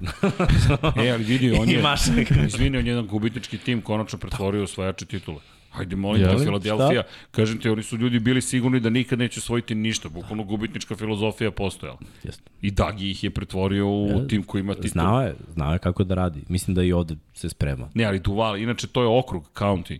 To je Duval je okrug u, u Jacksonville-u u kojem se nalazi stadion i to je kao Duval. Došao sam, do, ok, pazi, to odjednom nešto potpuno besmisleno može da postane toliko smisleno. To je lepota života, znaš kao u čemu slažeš, tražiš smisao. Ni u čemu, svemu je smisao. Ajmo hot. Packersi. Dok se ja ne zapalim. Pre ne, Packersi, Packersi Demonte, what? Packersi, original, G, OG. G da, bukvalno. A dobro. Super pick, meni sviđa ovaj pick mnogo više nego Quay Walker, tako da je Devonte uh, Wyatt oz, ozbiljan defensivni tackle. On da. i Jordan Davis, ono je bilo tu. Pa dobro, oni sad imaju, ajde ako pogledaš ovako, Rašangeri ovamo, uh, imaju... Sad ću ti kažem tačno koga su imaju, samo da uđemo Imaju ozbiljan chart. depth i što se tiče linebackerske pozicije i što I se imaju. tiče defensivne linije. I imaju, znači pronašli su secondary, Tako ja mislim da se okreće malo u Green Bayu, da će oni postati, znači da oni idu u old school, a pazi, McFlair je iz godine u godinu uvodio taj old school. Ja mislim da, da je njegova zamisla, znači on kako je došao, ekipa je postala sve više i više defanzivna, sve više i više trčanja, sve više i više play action. Um. Da, da, ali gledaj, ne mora da znači ako si ofenzivni um da ne, moraš samo da prangiraš i da dodaješ. nego da iskoristiš uh, način da tvoja ekipa bude produktivna. Iskreno, Packersi su mnogo produktivniji kada linija skrimidža radi. I ove godine, eto, mislim, samo zakazao je napad kada nije smeo da zakaže Buffalo, specijalni tim je zakazao. Zapravo, Dobro, ajde, pre svega. Ali Kenny Clark, Jaren Reed, Preston Smith, Rashawn Gary, sad Devonte Wyatt, Quay Walker, Devondre Campbell i dalje je tu secondary. Stokes, Russell Douglas, Adrian Amos, Darnell Savage, Jerry Alexander. Odbrana je tu. Odbrana Odbrana je kompletna. E sad, sve kasnije runde, guraju napad, u nadi da ćeš da nađeš, znači izabrao bi tri hvatača da nađem jednog koji ima potencijal da bude Jordi Nelson ili Devont Adams. To je ono što njima treba. To su znači hvatači koji su izabrani kasno, a bili su i tekako produktivni. Zanimljivo, obojica su onako malo, i Jordi Nelson i Devont Adams su ono košarkaši koji su malo više. Znači to je ono što to Rodgers odgovara. Ne mali, za, zašto ja mislim Sky da nisu i, izabrali. Ovo, 5-9 i Rodgers ne ide mi. A, ali mi ide ovo jer sam već video nekoliko puta, znači 6-2, 6-3, okretan, agilan hvatač koji može da se zagradi, koji ima tu promenu ritma, taj košarkaški prvi korak. Mislim da to Rodgers traži. A ako nema toga na draftu, dovedi veterana. Znači, daj Sammy Watkinsa, daj Jarvisa Landrija, kogod da je ostao, daj to. Oni bar znaju da igraju na visokom nivou. Nama na ulazu stoji Welcome to the Upside Down. Da. To je... To treba Rodgersa pošaljemo. to je Rodgers drugi do, svet. Do, do, dobrodošli u drugi svet, ali nastavlja se ta tema i sledeći pik je čudan, da ne kažem gospodin Strange. Cole Strange. Cole da. Strange. Kaže, kaže Šone, ko je ovaj Strange? Ja rekao, Doktor Strange. Ali znaš šta je najjače isti? Gledali reakciju. Patriota, ne, navijača Patriota koji ok, to, bili izabrao nekoga Da. koji je, nikoga nije imao, ja ne znam, je li iko imao njega u prvoj rundi? Ne. Ne, Ja ja, ja ga nisam imao u drugoj rundi. U trećoj, otprilike se pojavljio negde i jeste videli reakciju Šona McVay koji stoji, rekao- koji pa, koji može da veruje. Ali to je kao Bill Beliček. Zašto? Zato što smatraju mnogi da je da, da treneri dobro sarađuju s njim kao. Ok, to daje objašnjenje celoj Ali priči. smeh, e, Sean McVay je tako zao zapravo i, i podal smeh, to je nevjerovatno kako se on nasmeja na tom momentu, to je hit bilo. Ne, ja mislim to niko živ ne očekivao što su oni tradovali da, da, se, da dođu do te pozicije da ga uzmu. Pa nije, nije, trade Tako? su down. Ne, ne, bilo su, je, ne dva, mislim bilo su 21. Da, Ali da. čekaj, oni su uzeli čoveka koji Zašto ne, se to uradio? Ne znam, ne znam, ne, Ima- ne mogu da objasnim. Pa, zašto je ona Bilovoj tabeli bio tu? to je to. Dobro, gledaj, njegova, Ej, nemo se niko- lažemo, nemoj se- njegova tabela je Tabela relevantnija vidi, od naše tri zajedno. Naši, Ne, ne, ne, od, od mnogih zajedno. Ali opet je bilo čudno, zaista. Ovako sediš, ali ujutru sam gledao snimak i kao, strange. Prvo morao sam da pogledam taj moment, jer kažem ti, zaspao sam i gledam kako, koji, zašto su izbrali Kola Strange? Ko je Cole Strange? Ne, ne, ja, ja stvarno nisam znao. Meni nije bio u top 2, znači to je top 64 igrača. Jedino mi je poznat njegov faks, Tera, zar to nije Tera Lawrence? a, ovog- je Chattanooga. Da, Da, da to dato Terrell. Aha. Jedino to što znam, ali stvarno ovako m, ne mogu ni da analiziram ovo jer ne znam prosto igrača. Pa na, opet dolazimo do toga da u ofenzivnoj liniji Patriotsa redko kad je bio neko ko se dokazao na koleđu pa je onda kao napravio tranziciju, uglavnom su svi postali dobri igrači u New Englandu. Tako da ako on misli da od njega može da napravi sa svojim stručnim evo. štabom vrhunskog igrača, To je to. Može, mislim, Marko lepo dokazao kaže, niko ne može da kaže da je loš pik, jer Bill bira. Da. I to je to. I zato svi kažemo, ok, šta, šta niko od nas nije video? Pa dobro, aj kažite mi ko je Patriote koga su izabrali poslednjih godina da se isplatio, pošto Bill bira. o, računajući sve Poslednje pozicije godine. ili ofenzivnu liniju. Poslednje dve, tri godine sve pozicije. Pa ajde, krenemo od posljednje godine, Mac Jones mu se isplatio, svi smo mislili da, da Da, Mac nije. Jones je mlad još. Pro. Gledaj, da, ko, dobro, kako će to da izgleda, Prošle, prošle godine, znam. kad je bio draft, Mac Jones meni nije bio ni približno, nisam ništa vidio od njega. Igrao je na vrhunskom koleđžu sa vrhunskim igračima. vrhunskim. Ja razumeš, delovalo je kao fail u najavi.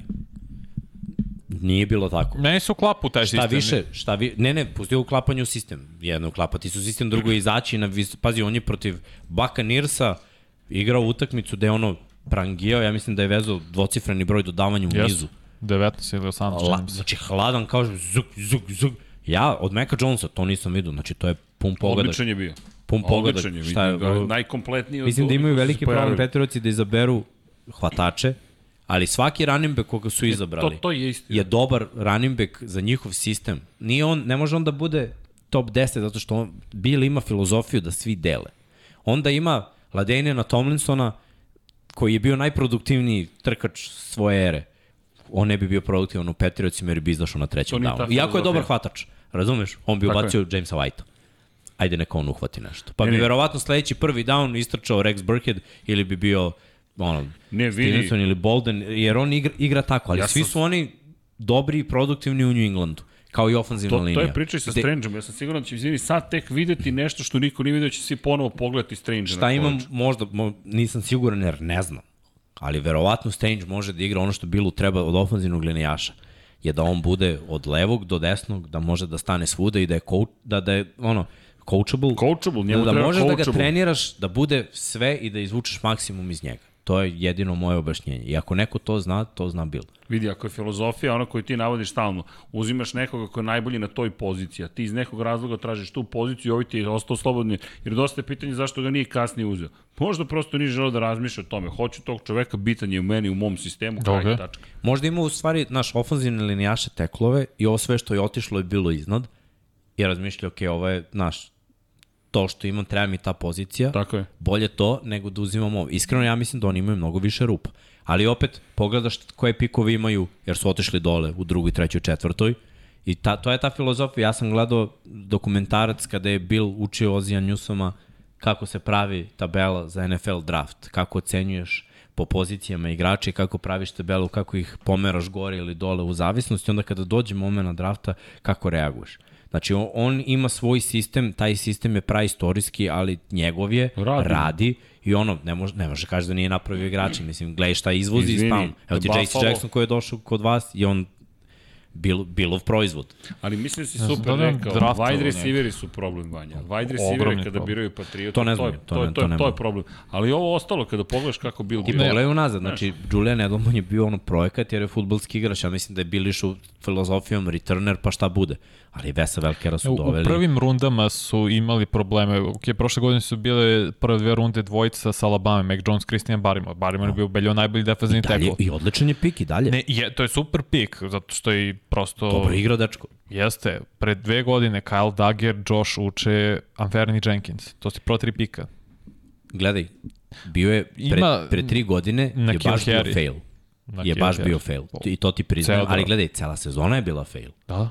Otišao je Tom i onda ja mislim da, da, da Dobro, tu se sve promenilo. Da, ne, ne, nešto, je sve, nešto je bilo drugačije. Definitivno i što se tiče igre, što se tiče taktike i ono postavke sa Kemom i drafta i free agencija, ali prošle godine su se vratili, znači prošle godine, pazi, free agency koje je ludilo, šta su sve doveli. Dobro, ali pazi, to je velika promena da ti ove ostaneš godine. bez Brady-a. Brady ti je bio i neko ko ti je tu u zgradi, koga vidiš, oslanjaš se na njega, publika, atmosfera, čudna sezona, čudna je bila utakmica između Patriota i Buccaneersa. Znači, to su sve stvari koje su dve decenije su sarađivali.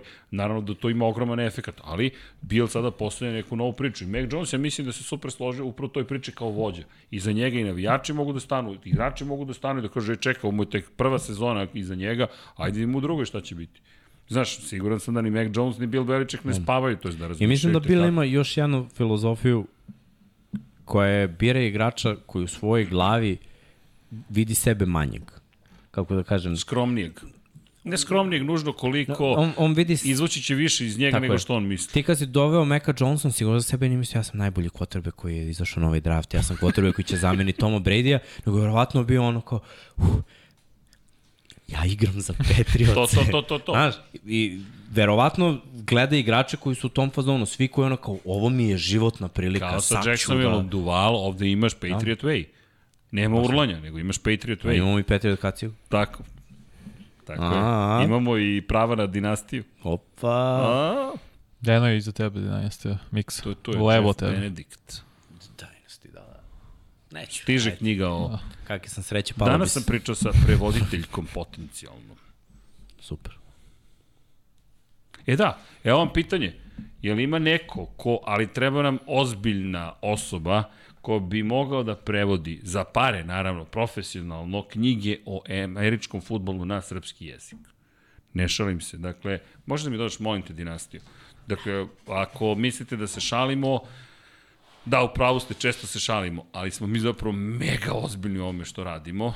Evo ga kod Mikse, Jeff Benedict, Ako nešto nije jasno, pojasnit će. Vanja, Realno. može, molim, molim vas, molim vas, molim vas, kolega, na, na, na, miksu, na miksu, na miksu, pomolim A vas. ne, ne, A nemaš strane, a ne, on je dobar, on je dobar. Vidiš, samo nam fali Udrite like.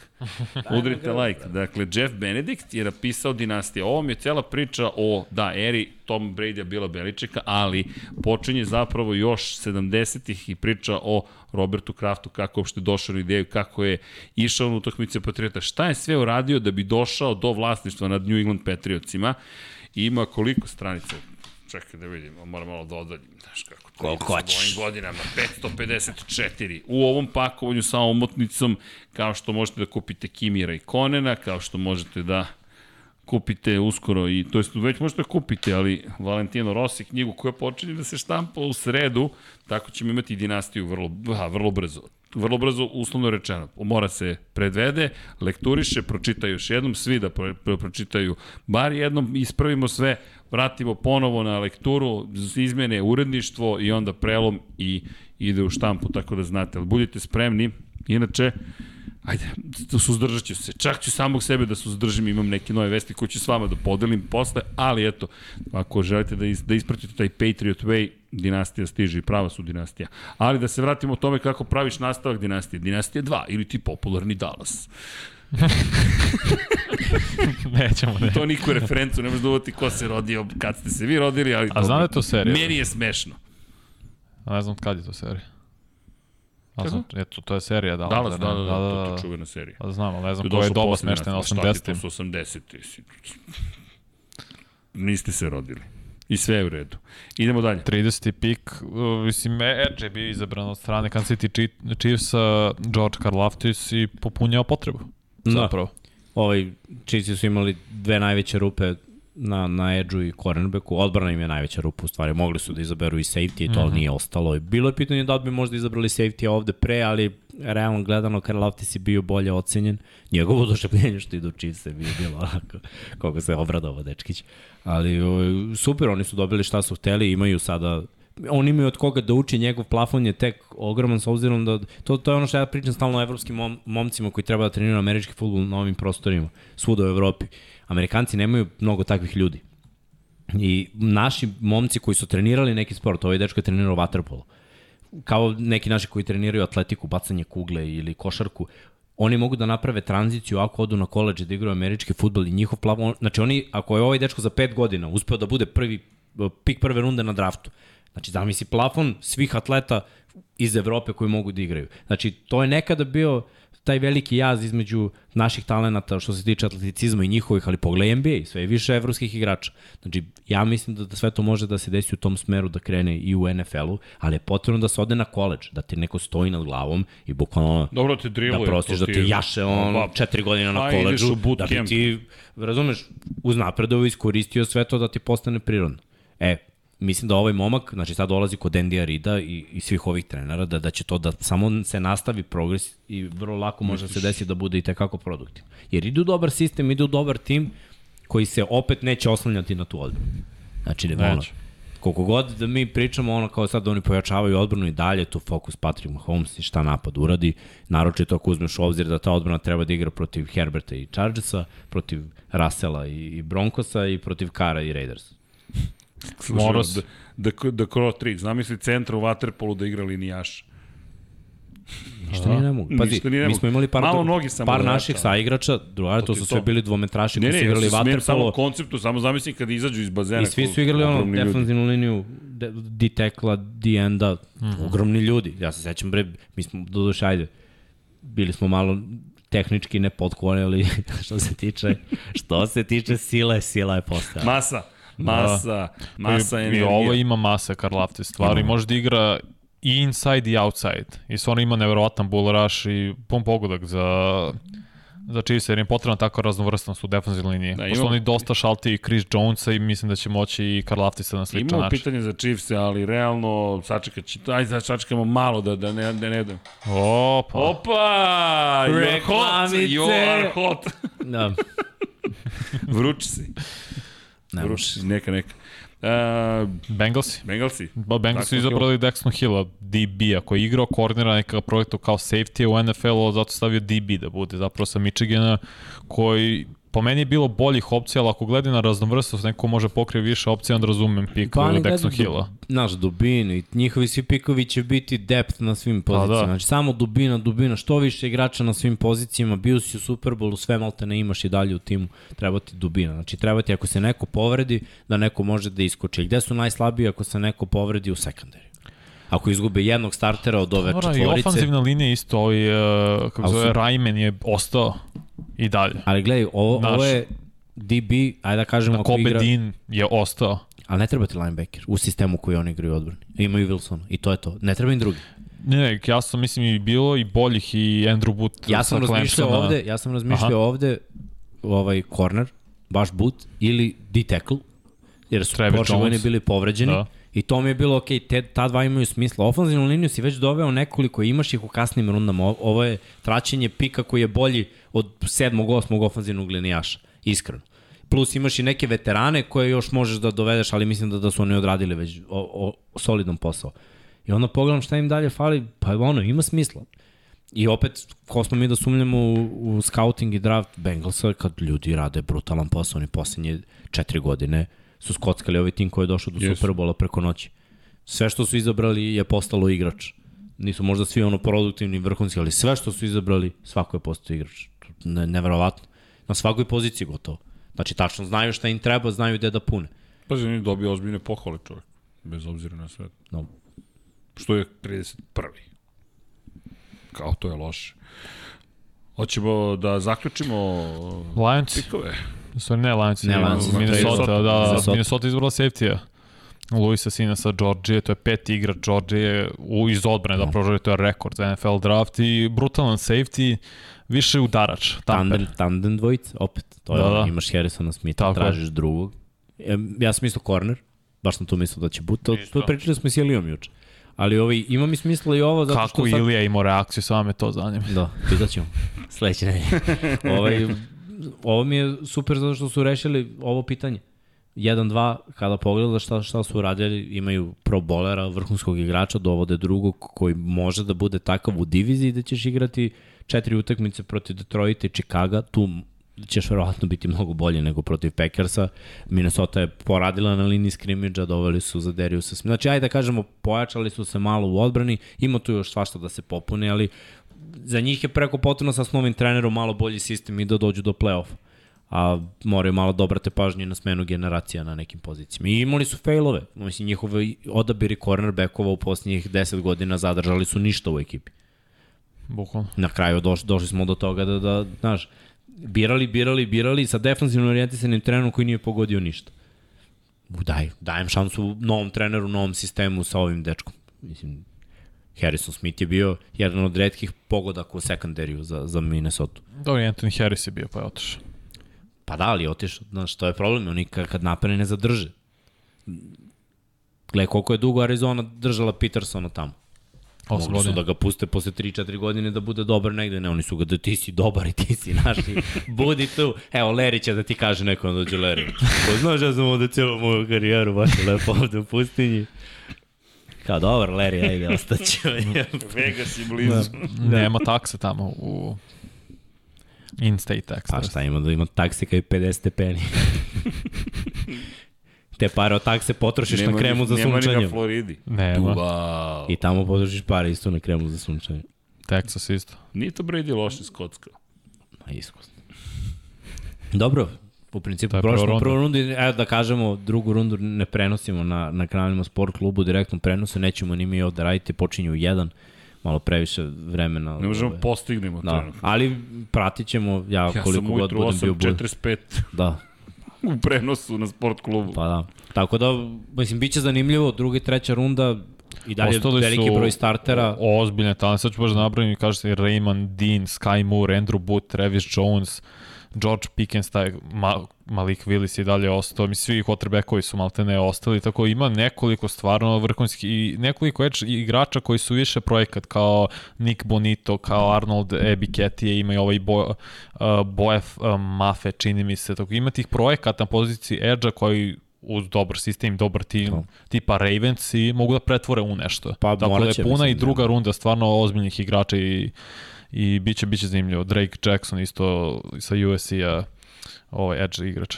Da, i dvojica running backova sasvim. Da, Brice Hall i Dosta. Kenneth Walker. Pazi, Brice Hall je kompletan back, znači, ali šta je problem? Nikom ne treba back. Tako Da, da, da. da. Delu. Ali ima timova koji bi možda, hm, čekaj, okej, okay, ajde da vidimo. Kenneth Walker su meni, mogu su iz Michigan isto, State. isto, da, isto. Tamper. Odlično. Totalno drugačiji, a Da, da, da. verovatno i jedan i drugi produktivni u NFL-u za male Starteri. pare. Znači, to su tri godine za male pare, to neko verovatno, i plus su mladi i mogu da, da izdrže ono, dosta tabanja. Tako da, da ima timova koji bi mogli to da iskoriste. Naravno, timova koji imaju dobrog beka koji je injury prone, kao na primjer Chargers Tako je. ili Ali ne, moraju biti Scotch Chargers. Jedno ime da upamte ljudi, E, David da znači. Ojabo, edge rusher s Da. Michigana koji je pokidao Ahilovu tetivu na Pro Dayu Michigana koji treba bude top 10 pick. To će biti druga, treća runda. Neko To će se kad, usrećiti. kad neko da, neko će baš da se usreći kad njega bude draftovao zaista. Da. Ozbiljan, pro- ozbiljan igrač. Da, to je Jalen Smith tip nagrade. Bolji. Pa, Mislim, bo- veli, vidjet ćemo, ali znaš, Jalen Smith je igrao nakon te povrede, Jeste. bio je pao je u drugu rundu i Bio kad je je pro krenuo da bowler. igra, bio je pro bowler. Znači, to je to, to je ta nagrada. I mislim, i nije igrao mnogo i šutnuli su ga dalje, ali si isplatio i samim tim. Da, da. Bio ti je pro bowler i doveo ti ekipu do nekih uspeha. Srki, vidim, scrolluješ. Scrollujem, gledam pitanja, šta Ajde. gde ko ima. Ajde malo pitanje. Aj malo pitanjice. Ajde. Ko će rizikovati sa... Čekaj. Darko Đunisijević, ko će rizikovati sa Jabom, šta mislite? Sa? Šta? O Jabom. O džabu. A, to je upravo što sam rekao. Pa David ko će rizikovati? Rizikovat će neko ko već ima igrača na toj poziciji. Znači, ne mogu da rizikuju Ravensi koji imaju šupljinu, da li će onda se oporavi ili ne. Rizikovat će neko ko već ima dubinu i ko sebi to može da priušti ako on ostane na tom mestu. Gledam sada ako ima pikove, Tampa ima prvi pik u drugoj rundi. To može da bude ozbiljno Oni imaju mesto. dubinu. Naprimer, Giantsi, Oni mogu, Jetsi isto. Zemir pita, šta će Kansas sa hotačima, nema hila više. Pa doveli su, mislim, veterane. Ne? Da. Mogu da izaberu nekoga ovog malog spitstera možda, ali to ćemo tek da vidimo. Mislim, oni i dalje, ja mislim da su osnovni ono, Valdez, Kentling i Juju Smith-Schuster da su im opcije. Da, ali Travis Kelsey je uvek bio opcija broj 1. Tako je. I dalje. Pa Tako je. da vidimo. Ko zna? Marko Hektor, kada će dinastija? Pa naš plan je da bude spremna za početak sezone. Dakle, bukvalno da bude spremna za početak sezone, dakle, bude u septembru. Otprilike toliko vremena treba dok se sve prevede, lektoriše, proveri. Prelom nije kompleksan s obzirom na činjenicu da nema ilustracija, u suštini dosta jednostavan prelom, ali ono što jeste bitno jeste da uradimo tekst na pravi način, pošto ja ne znam za knjigu koja je prevedena o američkom futbolu na našim prostorima i iz te perspektive hoćemo da bude savršeno. Iskustva sa Rosijem su nas dosta naučila gde tu postoji ozbiljna situacija sa prevođenjem, stručni prevode, prevodici ne postoje za, za ovu tematiku i čak i kada neko je u udruženju prevodilaca Srbije, prosto ne mogu da se snađu u terminologiji koji ih susretne. I niti imaju tu emociju koju mi gajimo i onda ne postoji to, jednostavno vidite. I oni ljudi kažu nemojte ovo mi da prevodimo. Da, ali ima i, znaš, ima stvari koje su iz igre, koje, to je ono što pričam ljudima, ne možeš neke stvari da, da prevedeš, moraš da, da izmišljaš, u stvari govoriš američku reč, a stavljaš u kontekst, znaš, ima reči naravno koje mogu da se prevedu, ali mnoge ne mogu. I mnoge, gledaj, možeš da prevedeš u pet reči, pa zar nije brže jednom? Pa da, pa, to je sad A. ono što je nama izazov. Najveći izazov je kako ćemo sve da isprevodimo i šta A. ćemo da uradimo. Ono što je srećna okolnost jeste što je ljudska priča pre svega i priča se zapravo o tome o kako je sve to odnosi između krafta, porodice, drugih vlasnika timova, bivših vlasnika, komesara, lige, ljudi, super je knjiga. Da, ali eto, negde septembar je naš plan da izađe, nemojte me držati skroz za reč, ali bukvalno naš plan je to, a daću vam tačne informacije kako bude vreme odmicalo, pošto želimo da bude zaista urađeno na najbolji mogući način. Pozdrav za Miksu, kaže Đorđe Janjić. Pozdrav, pozdrav. Pozdrav, pozdrav ekipi, posebno za Miksu, upravo se vrte njegovi hitovi u klubu. Opa! A, idemo, jeste platili tantijeme? Od čega Miksa da, da živi? Jeste... Šalim, samo vi bootlegujte, slušajte sve to u redu. Kako bi rekao Mikri, it's all about the money. It's all about, show me the money. Ispojlovao si pola knjige. Kako sam Branislav ispojlovao pola knjige? I da želi 550 strana, ne ne, ne mogu da spojlujem. Mogu da vam kažem kraj. Mo- Brady otišao u tampu. Glupo, še smijem se svojim šalom. Ili ima takse u Arizoni, tamo su leta najtoplije? Pa nema, nema. Porez, income tax, ja mislim da je... Nema u je Arizoni. Nula. Nula. Nula isto kao Florida, pa eto. Florida, Texas, Arizona imaju nula in, in, in state. Da. Ko misli da je lako prevesti, neka netko ogleda lepo selo, lepo gore sa engleskim prevodom. Challenge accepted. Uh, da li vidite nekog wide receivera u Patriotama? Pa ne, doveli Da. su Devonta Parkera, on je hvatač broj 1, imaju svoje neke pikove. Očekujem da će tradovati u kasnim rundama za petog, šestog pika na Kila Herija, Moguće. ili četvrtog, petog u najboljem slučaju. Neko bi mogao da od njega napravi nešto kad oni već ne mogu, ali pazi, pogledam, o, prošle godine Born je odradio svoj posao, imao je utakmice za dva touchdowna, Agolor i dalje tu imaju dva tight enda, imaju neku svoju filozofiju koja je drugačija. Redko ko bi bio produktivan konj. Šta da biraju od ovoga? Mislim, šta god da izaberu nije bolje od Agolora i Borna, što je ostalo. Ili bar ne znaš da li jeste. I opet neće ni dobiti šansu u njihovom sistemu. Još oni imaju ovog malog Mitchella koji je ono njihov njihov igrač, mislim, kakav god daje njihov igrač. Inače, evo, ima još pitanja na Kobe Din. Lazar Milenković već nekoliko puta pita gde Ma će prvi koga, gledaj, gde će, možda ide bilo gde, Bukvalno. gde god da ode, bit će dobar. Zato što je onako baš kompaktan linebacker, malo niži, ali dobar udarač i može gde Gledam, god, gledam Giants sad sa te četvrti pik u drugoj rundi, njima bi dobro došao. moglo bi da se desi, tako je. Uh, međutim, kad, ajde da kažemo, prva bira Tampa, Tampa i ne treba imaju dva linebackera. Tako je. Zatim ide Minnesota, Minnesota, uh, ko, koji je status? Oni su imali pa oni imaju dvojcu, ovi Hendrickson i kako se zove... Kendricks i Bar, ali Bar je dalje otišao, da, dalje potpisan. Nije, mislim da je tu bar. Sad ću pogledam, ali smo prilično ubeđen da je bar i dalje tu. Ako je tu, onda njima ne treba, ali ja mislim da, da jedan od njih nije potpisao, ili su nekog drugog. I Da, uh, Jordan Hicks je tu mesto bar. Tako je, okej. Okay. Znam da Bar nije tu. Zatim ide Tennessee pa Giants. Tennessee, front seven popunjen i onda dolaze Giants, eto, to je prv, prvi fit gde bi mogao da upadne. Petar Žestić pita, da li Buffalo osvaja Super Bowl ukoliko draftuju dobrog running backa? A ne, pa imaju oni ok running backu. To je juče baš nam bi dodali kao da obrate pažnju na tu poziciju, ali uh, njima je Singletary ok back, plus Josh Allen trči, plus imaju Moss. Znači, oni imaju bekove, samo ne znaju kako da ih koriste. A znaš što je zanimljivo sad? Oni imaju novog ofenzivnog koordinatora. Novu zamisao kako da uključiš sve ove uh, igrače.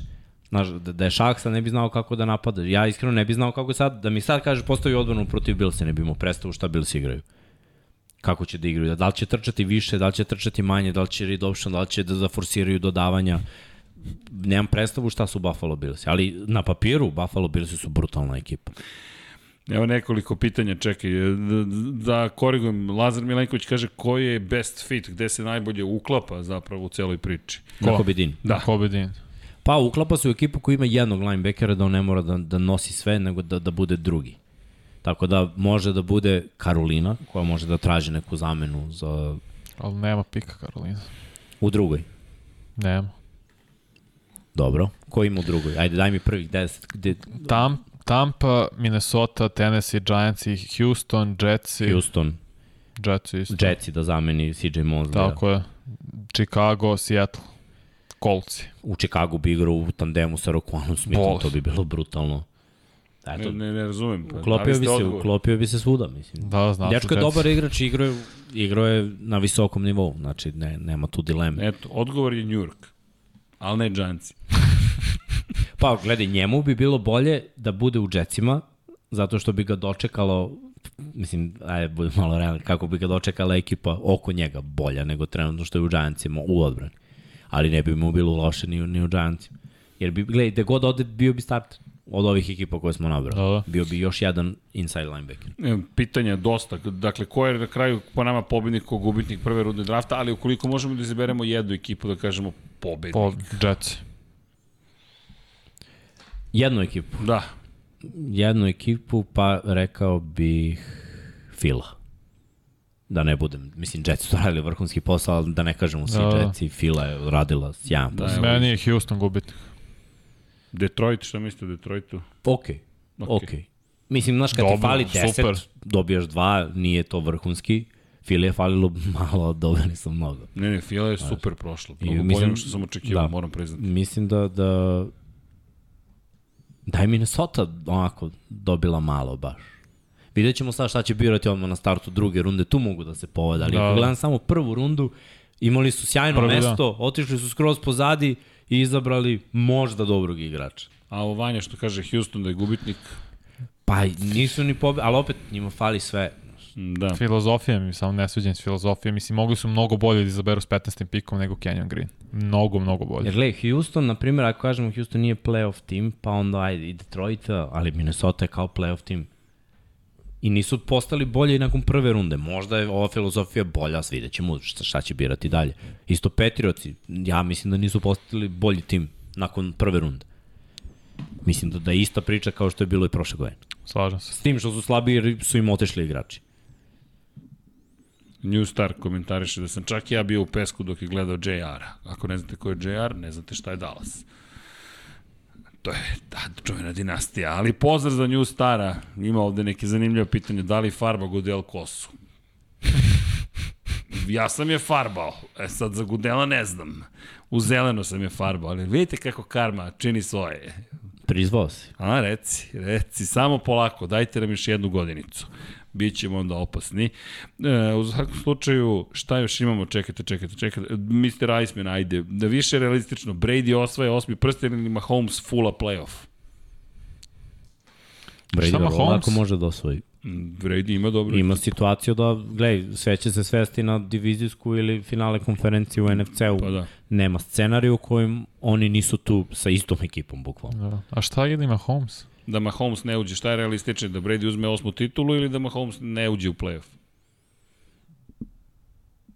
Da Mahomes ne uđe u playoff. To ti je realno. Da. Pa, Kako je divizija sada, da. Eh. I ceo AFC. Teško baš da ne uđe u playoff, ali dobro, ajde, okej. Okay. E, pošto Filip Stajković pita, pošto San Francisco nije za pik od Jetsa, da li mislite da Dibo ostaje u San Francisco? Da. Clay, da ga puste, bili bi baš ludi. Zato što mnogo toga radi. To John Lynch nije. znaš, ono. To, to. Da je ovo Dallas, pa jajde. Mislim, znaš šta, a znaš šta je najsmešnije? Zato što on želi samo jednu stvar. Nije kao on neće da ide zato što su narušeni odnosi, zato što mu se ne sviđa ovo, zato što mu se ne sviđa Kalifornija, zato što sa igrači nisu. Samo lik hoće pare. Dosta je jednostavan. Daj mu pare, vrate, šta je problem? Samo dogovorite se oko cene i tere dalje. Znači, pravi komplikaciju da nema. Znači, ti se sviđa on kao igrač, da. Znači, ono, e se tebi sviđaju oni kao tim, da. da. Šta treba da bi on ostao ovde pare, hoće da pare, aj stavite pare i Mislim da je to što više ne želi da bude korišćen kao running back toliko, jer previše batina dobija u sezoni. Pa da, ima i to smisla sa novcem. Dajte mi pare da ako se i povredim, da, da ne moram da brinem ljudi o svojoj budućnosti. I tebi bi bilo Navod, glupo da budeš korišćen za, korišćen za running backa. Da bio, pa Navodno su pare tu. Nego... Gledaj, verovatno su tu pare Kristijana Kirka. Never. Mislim da je, mislim da je oko 25 ponuđeno. 25 miliona. Ako je 25 ponuđeno, da. To je lepo gošta, par. Gošću? Gošćo. Gošćo? Gošćo. Neko nam upada u studiju. Da li je gost ili gošća? Gošća! gošća. Dobro večer, dobrodošli. Slobodno, slobodno. Udrite like zato što nam je stigla gošća. Jesi vi znate?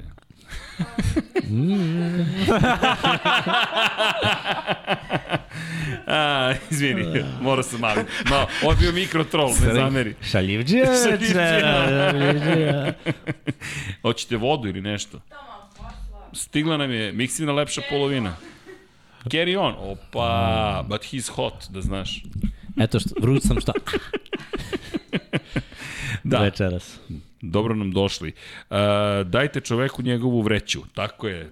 Vreća novca i sve se lako Glej, to reši. Ako pričamo o tome ko je zaslužio od ovih mladih hvatača, ajde da uzmemo najbolje u posljednjih par godina. Evo sad je plaćen i AJ Brown. Po svemu sudeći bit će plaćen i Marquise Brown verovatno će biti plaćeni DK Metcalf. Terry McLaurin. Terry McLaurin. Zašto onda Dibo Samuel ne bi bio plaćen? Mislim, a Dibo je pola tima. A Dibo je produktivniji od svih njih. Pa, I just. nosi igru i bio je, ajde da kažemo da je stigao sa ekipom do najvećeg mnogo, uspeha. Mnogo viši timski uspeh je imao on sa ekipom nego bilo kod ovih igrača. Tako je. Jer jedna godina tenis je AJ Brown što su bili u finalu konferencije, sledeće godine već nije bilo to a San Francisco za, zaista je odradio svoj posao, tako da treba čovjek da dobije pare. Sad, ja ne znam koliko on ceni sebe, nis, da je 25, mislim da bi prihvatio, mislim da oni Mislim daju da mnogo manje. Hoće. Pa dobro, gledaj, Mislim da, ho- da hoće više. ima smisla i da dobije više i da traži bar više, zato što on je i running back elitni i el, elitni hvatač. Koliko je plaća Mike Williams? Dve, Ne, tri ne. godine 60 miliona. Ali Mike je isključivo outside receiver. Isključivo. I gledaj, Jeste. 20 milki za isključivo outside receiver je okej. Evo ti ga AJ Brown koji trče skrinove, koji blokira brutalno kao i Debo i koji on dobije 25. Onda ima smisla da Debo koji u backfieldu Ja running verujem back, da je Debo fullback, misli da je bolji od AJ Brown, da zato hoće više. mogu ti kažem nešto, svaki receiver u NFL-u Naravno, pa. misli za sebe da je najbolji. To ti je, ali možeš to da ti je igraš tajna tim, kada da. treniraš takvu poziciju koja je malo individualna, jer ipak se ti svodiš kao napad na tome da li ćeš ti individualno da dobiješ svoj matchup. Znači ti ako si u sklopu cele akcije, ti imaš svoj 1 na 1 ili 1 na 2 protiv dvojice ili protiv jednog igraš. Da, I da. ti to moraš da dobiješ. I ako dobijaš to, mislim, show me the money. Ima smisla. Ej, dobar kačket, hvala. Odličan je kačket. Odličan je kačketić, evo ovde da poklopimo dinastiju. Da, ovo baš lepo ide ovako ispod. A, reci. Super si, još Njurk ovde ovako. Sve je full. Um, Filip Stajković, još jedno pitanje. Da li mislite da će Raidersi odustati od Jacobsa kao running backa broj 1? Da. Da. Zašto? Zato što bi morali da ga plate. Zašto ne bi sad u ovim kasnim rundama izabrali nekog mlađeg ko će igrati za, za siću? Jer izabereš pika treće runde, on zarađuje milion po sezoni. Jacobsu bi morao da daš više. Mnogo Uvek više. ima neko, i opet mogu da iskopaju nekog iz naftalina, tipa Filip Lindsay koji ima 1000 yardi negdje i koji čeka samo da dobije šansu. Tako, su, tako je pozicija running backa prosto, da možeš u kasnim rundama da nađeš njihova, startera. Njihov vek trajanja, tri godine. To, to je mnogo tužno, ali tako, tako To je. je tako, pa fizik, fizika. Čini svoje prosto. Izdobio se čovek batina, ispovređivo se, više ne igra kako je igrao. Lekler Ivanović, 11 pikova Patriota i ne tako veliki cap. Da li mislite da će ići na gore ili će prebaciti pikove za sledeću godinu? Nemam predstavu. Bukvalno. Da sa Patriotama, ja ne znam Znam, ko, Niko ko može bilo da protumači. to je ne, ne Ne zamerite, ali to je stvarno teško. Jedino ko Viktor. zna je njegov Husky Nike i to je to. Bukvalno. Možda i on birao. Ne, ne bi me čuo, kod Bila, ne bi me ništa iznenadilo. Viktor, kad ste počeli, nisam ispratio. Viktore, 21.00. Čak smo kasnili manje od 5 minuta. Srki ja stigli u isto vreme. Isto vreme, Vanja u šoku. Do. Verovatno Ne, pada kiša. e, ne, to mora da bude clickbait naslov. Nećete verovati šta se Vanji desilo. Stigli su oko nas vreme, ostali. E, rekao sam ti ja sad te clickbait. Nismo, nismo clickbaitovali. Dobro, ne, nego... Nismo, nemoj, ne, nemoj, ne, ti znaš da ja ne volim clickbait. Auf, je. ja se ježim od toga. Nema clickbaitovanja. Ne, ja stvarno to ne podnosim. Meni je to tako vređanje ljudi. Uf. Imamo šta da kažemo, ko hoće neka sluša, ko neće ne mora da sluša. Ne, iznervirao si ga sad. Ne, ne, nije mi iznervirao, podržavam, sviđa mi se njegov stav. Ne, on je Ne, ja to, ne, znaš, nervira me kad tako krenu da izmišljaju, pa, pa pričali, smo pričali o situaciji kad smo imali neki skup i skupili smo sve snimke padova motociklista. A, znam, znam, znam. I šta će, zašto smo mi onda ovde, pa kao da prokomentarišete, rekao ja ne komentarišem padove motociklista, ja odoh, jo, niste da uđem. I on bio organizator i pa kao, pa šta ćemo da radimo? Rekao, ne znam, ja nisam došao da komentarišem kako ljudi padaju s motora. Ako vi ne razumete njihovu veštinu, znanje i ono što oni čine, mene nemoj da zovete. I onda su sve promenili, pogasili sve pokrivalice, zato što niste to da komentariše. Džankić isto bio sa mnom, nismo hteli. Pa šta sad zamisli, NFL se svodi, da vidiš kako ga lupi u glavu, čekaj, polako. Ajde vidimo veštinu tih ljudi, ajde vidimo znanja, ajde vidimo kulturu, ajde vidimo šta oni propagiraju, ajde vidimo za šta se bore, dakle su potekli, šta, šta stoji iza njih.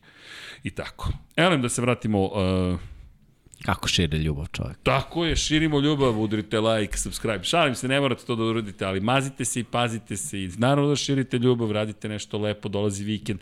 Vikend koji slavi rad, zato nećemo raditi. Ja to potpunosti podržavam. Znaš kako italijani Kako nećeš grafite. raditi? Ili, e, Zar nisi- da, da, da, dobro, to nije, da, To je ljubav. To je ljubav. Ljubav. Ma nije, to jeste rad, ali sutra, prek sutra, velika nagrada Španije. Dobro, u ponedeljak ne radim, zaista.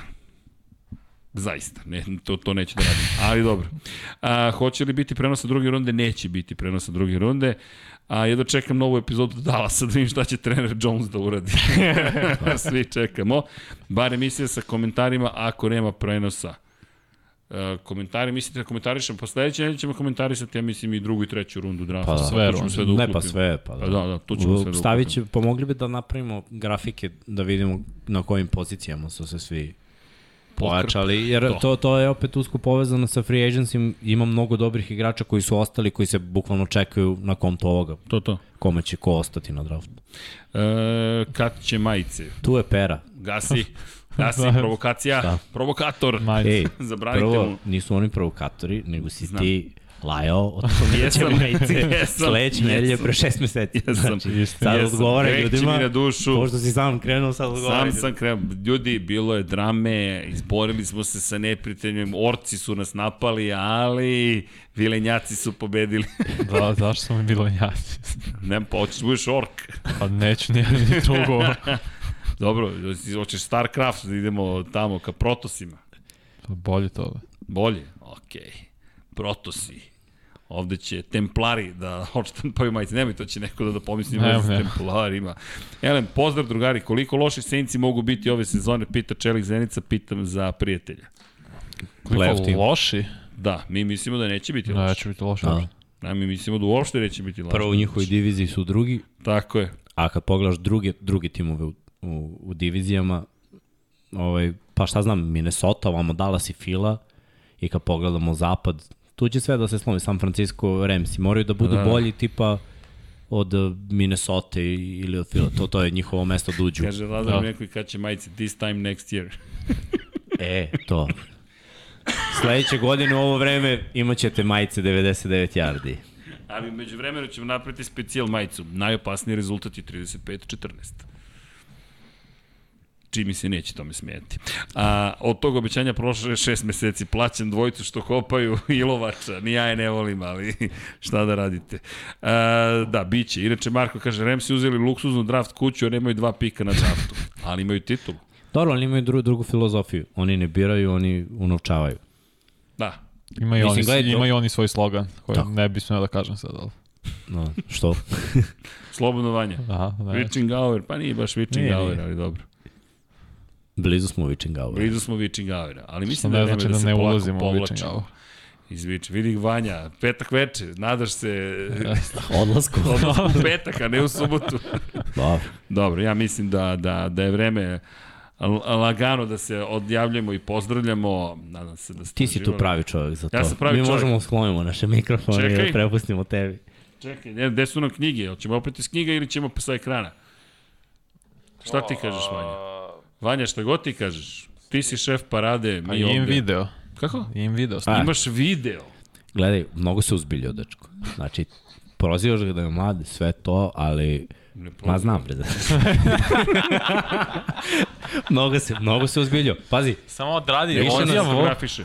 Više nas i ne pita jesu vam dobre ove grafike ili ovo. Znači, Da, da, da. samo iskomunicira, Samo iskomunicira reši, kada mi stignemo mi ovde. i to je to. Scenografija postavljena, sednemo, on je već povezao mikrofone, namestio je kadrove, razumeš, fokusirao kamere.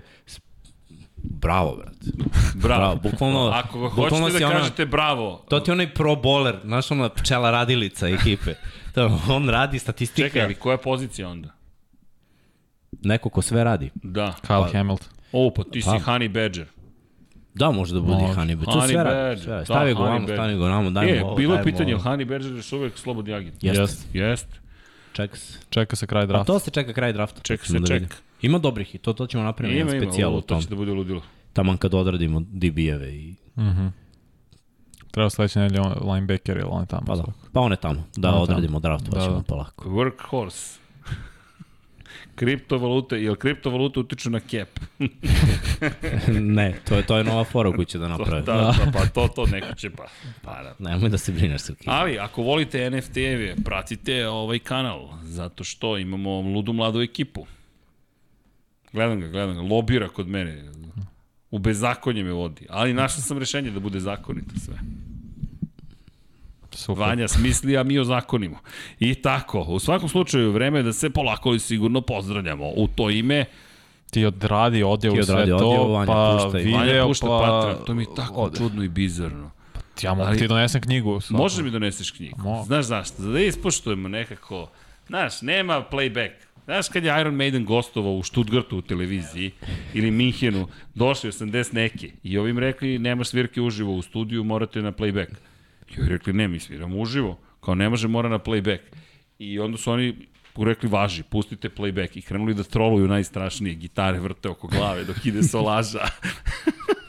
Znaš, kakav play black, mi smo play, play black, play back, igramo Iron, sviramo Iron Maiden. E, a znaš da su, da je dom penzionera u Zaječaru organizovao turneju da se dođe na koncert Iron Maiden pošto je to ta generacija, tako da Penzas iz Zaječara, moja otprilike ekipa, ide na koncert Iron Maiden, 20, Maiden 24. maja. To ti je Vanja posvećenost, čekati da 2068. na hip-hop neki da ideš. da ga pržite, razumiješ? Biće hologram ranije. We are hot. Ali, ljudi, ko hoće da nas podrži, može da klikne subscribe, join i sve ostalo. Patreoni, hvala vam. Ljudi, bez vas stvarno ne bismo mnogo toga postigli. Patreoni u knjigama ste već, youtuberi u knjigama ste, idete i u Rosijevu knjigu takođe i u ostale knjige ukoliko budete želeli. Tu isto će biti nekih noviteta, ja se nadam za Patreon da naše drage pokrovitelje i mi podržimo još bolje da vam pružimo još neki zabavan sadržaj. Šta sam stavio? Ništa nisam stavio Vanja, ali ćemo staviti, stavit ćemo jedno iznenađenje koje ima, iznenađenje koje ima veze sa Vanjom i YouTube memberima i patronima i jedno iznenađenje koje ima veze sa behind the scenes zapravo formula. E, si vidio Formula 1 što smo radili? Da. Kung Fu. Da, da. Kung Fu. Baš, baš je bezobrazno. Kung, bezobrazno je bilo, jeste. Da. Baš, smo, baš smo srećni. Ali u ime onih koji vole nauku, tehniku, ljubav, sport i rekreaciju, mi vam želimo jednu lepu i laku i veselu noć. A sad ćemo da pročitam imena svih onih koji nas podržavaju, jer to je tako lepo kada čitate uživo. I dakle, da krenemo od Patreona najpre, ne, ajmo od YouTube membersa. Neven Bio Centar, Nikola Grđan, Miloš Stanimirović, Vukašin Felbob, Igor Ilić, Voča Pero, Marko Stojilković, Bakadu, Bojan sad sam normalno to izgovorio, Bojan Gitarić, Ivan Mogdalinić, Ivan Vojosinović, Resničanin, Mladen Mladenović, Tatjana Limajić, Veselin Vukićević, Stojan Sabo, Mlađan Dukić, Marko Bogovac, Branislav Dević, Vukašin Vučenović, Almedin Ahmetović, Nemanja Labović, Aleksandar Kockar, Miloš Zed, LFC, Nikola Kojić, Nemanja Miloradović, Zvonimir Papić, Ivan Božanić, Marina, Vlada Ivanović, Oliver Nikolić, Andrija Todorović, Jelena Jeremić, Kalabi, Jau, Aleksandar Nikolić, Lukas Skok, Petar Bjelić, Milorad Reljić, Nemanja, Bojan Markov, Danilo Petrović, Nenad Simić, Nemanja Bračko, Kosta Berić, Aleks Vulović, Patreoni prvi među jednakima Ozren Prpić, zatim Jelena Jeremić, Sava, Ivan Toškov, Stefan Dulić, Mladen Krstić, Marko Mostarac, Marko Bogovac, Nena Divić, Toni Ruščić, Ivan Maksimović, Zoltan Mezeji, Mario Vidović, Miloš Banduka, Aleksa Vučaj, Zoran Šalamun, Ivan Simeonić, Predrag Simić, Đorđe Radović, Mihajlo Krgović, Filip Banovački, Nikola Božinović, Nenad Đorđević, Miroslav Vučinić, Monika Erceg, Omer Kovačević, Aleksandar Gošić, Jelena Maka, Luka Savović, Žorž, Stefan Vidić, Mlađan Antić, Marko Ćurčić, Borko Božunović, Milan Nešković, Bojan Mijatović, Petar Relić, Nenad Simić, Boris Gvozden, Andrej Božo, Andrej Božo, Josip Kovačić, Mirjana Živković, Boris Golubar, Đorđe Andrić, Zorana Vidić, Luka Maritašević, Ljubo Đurović, Miloš Vuletić, Dušan Ristić, Marina Mihajlović. Znate šta bismo mogli da uradimo? Neku osnovnu školu, kažemo, za recital, za, za recitaciju da pročitaju sve ovo deca. A mi ćemo da doniramo lopte za sportsku dvoranu.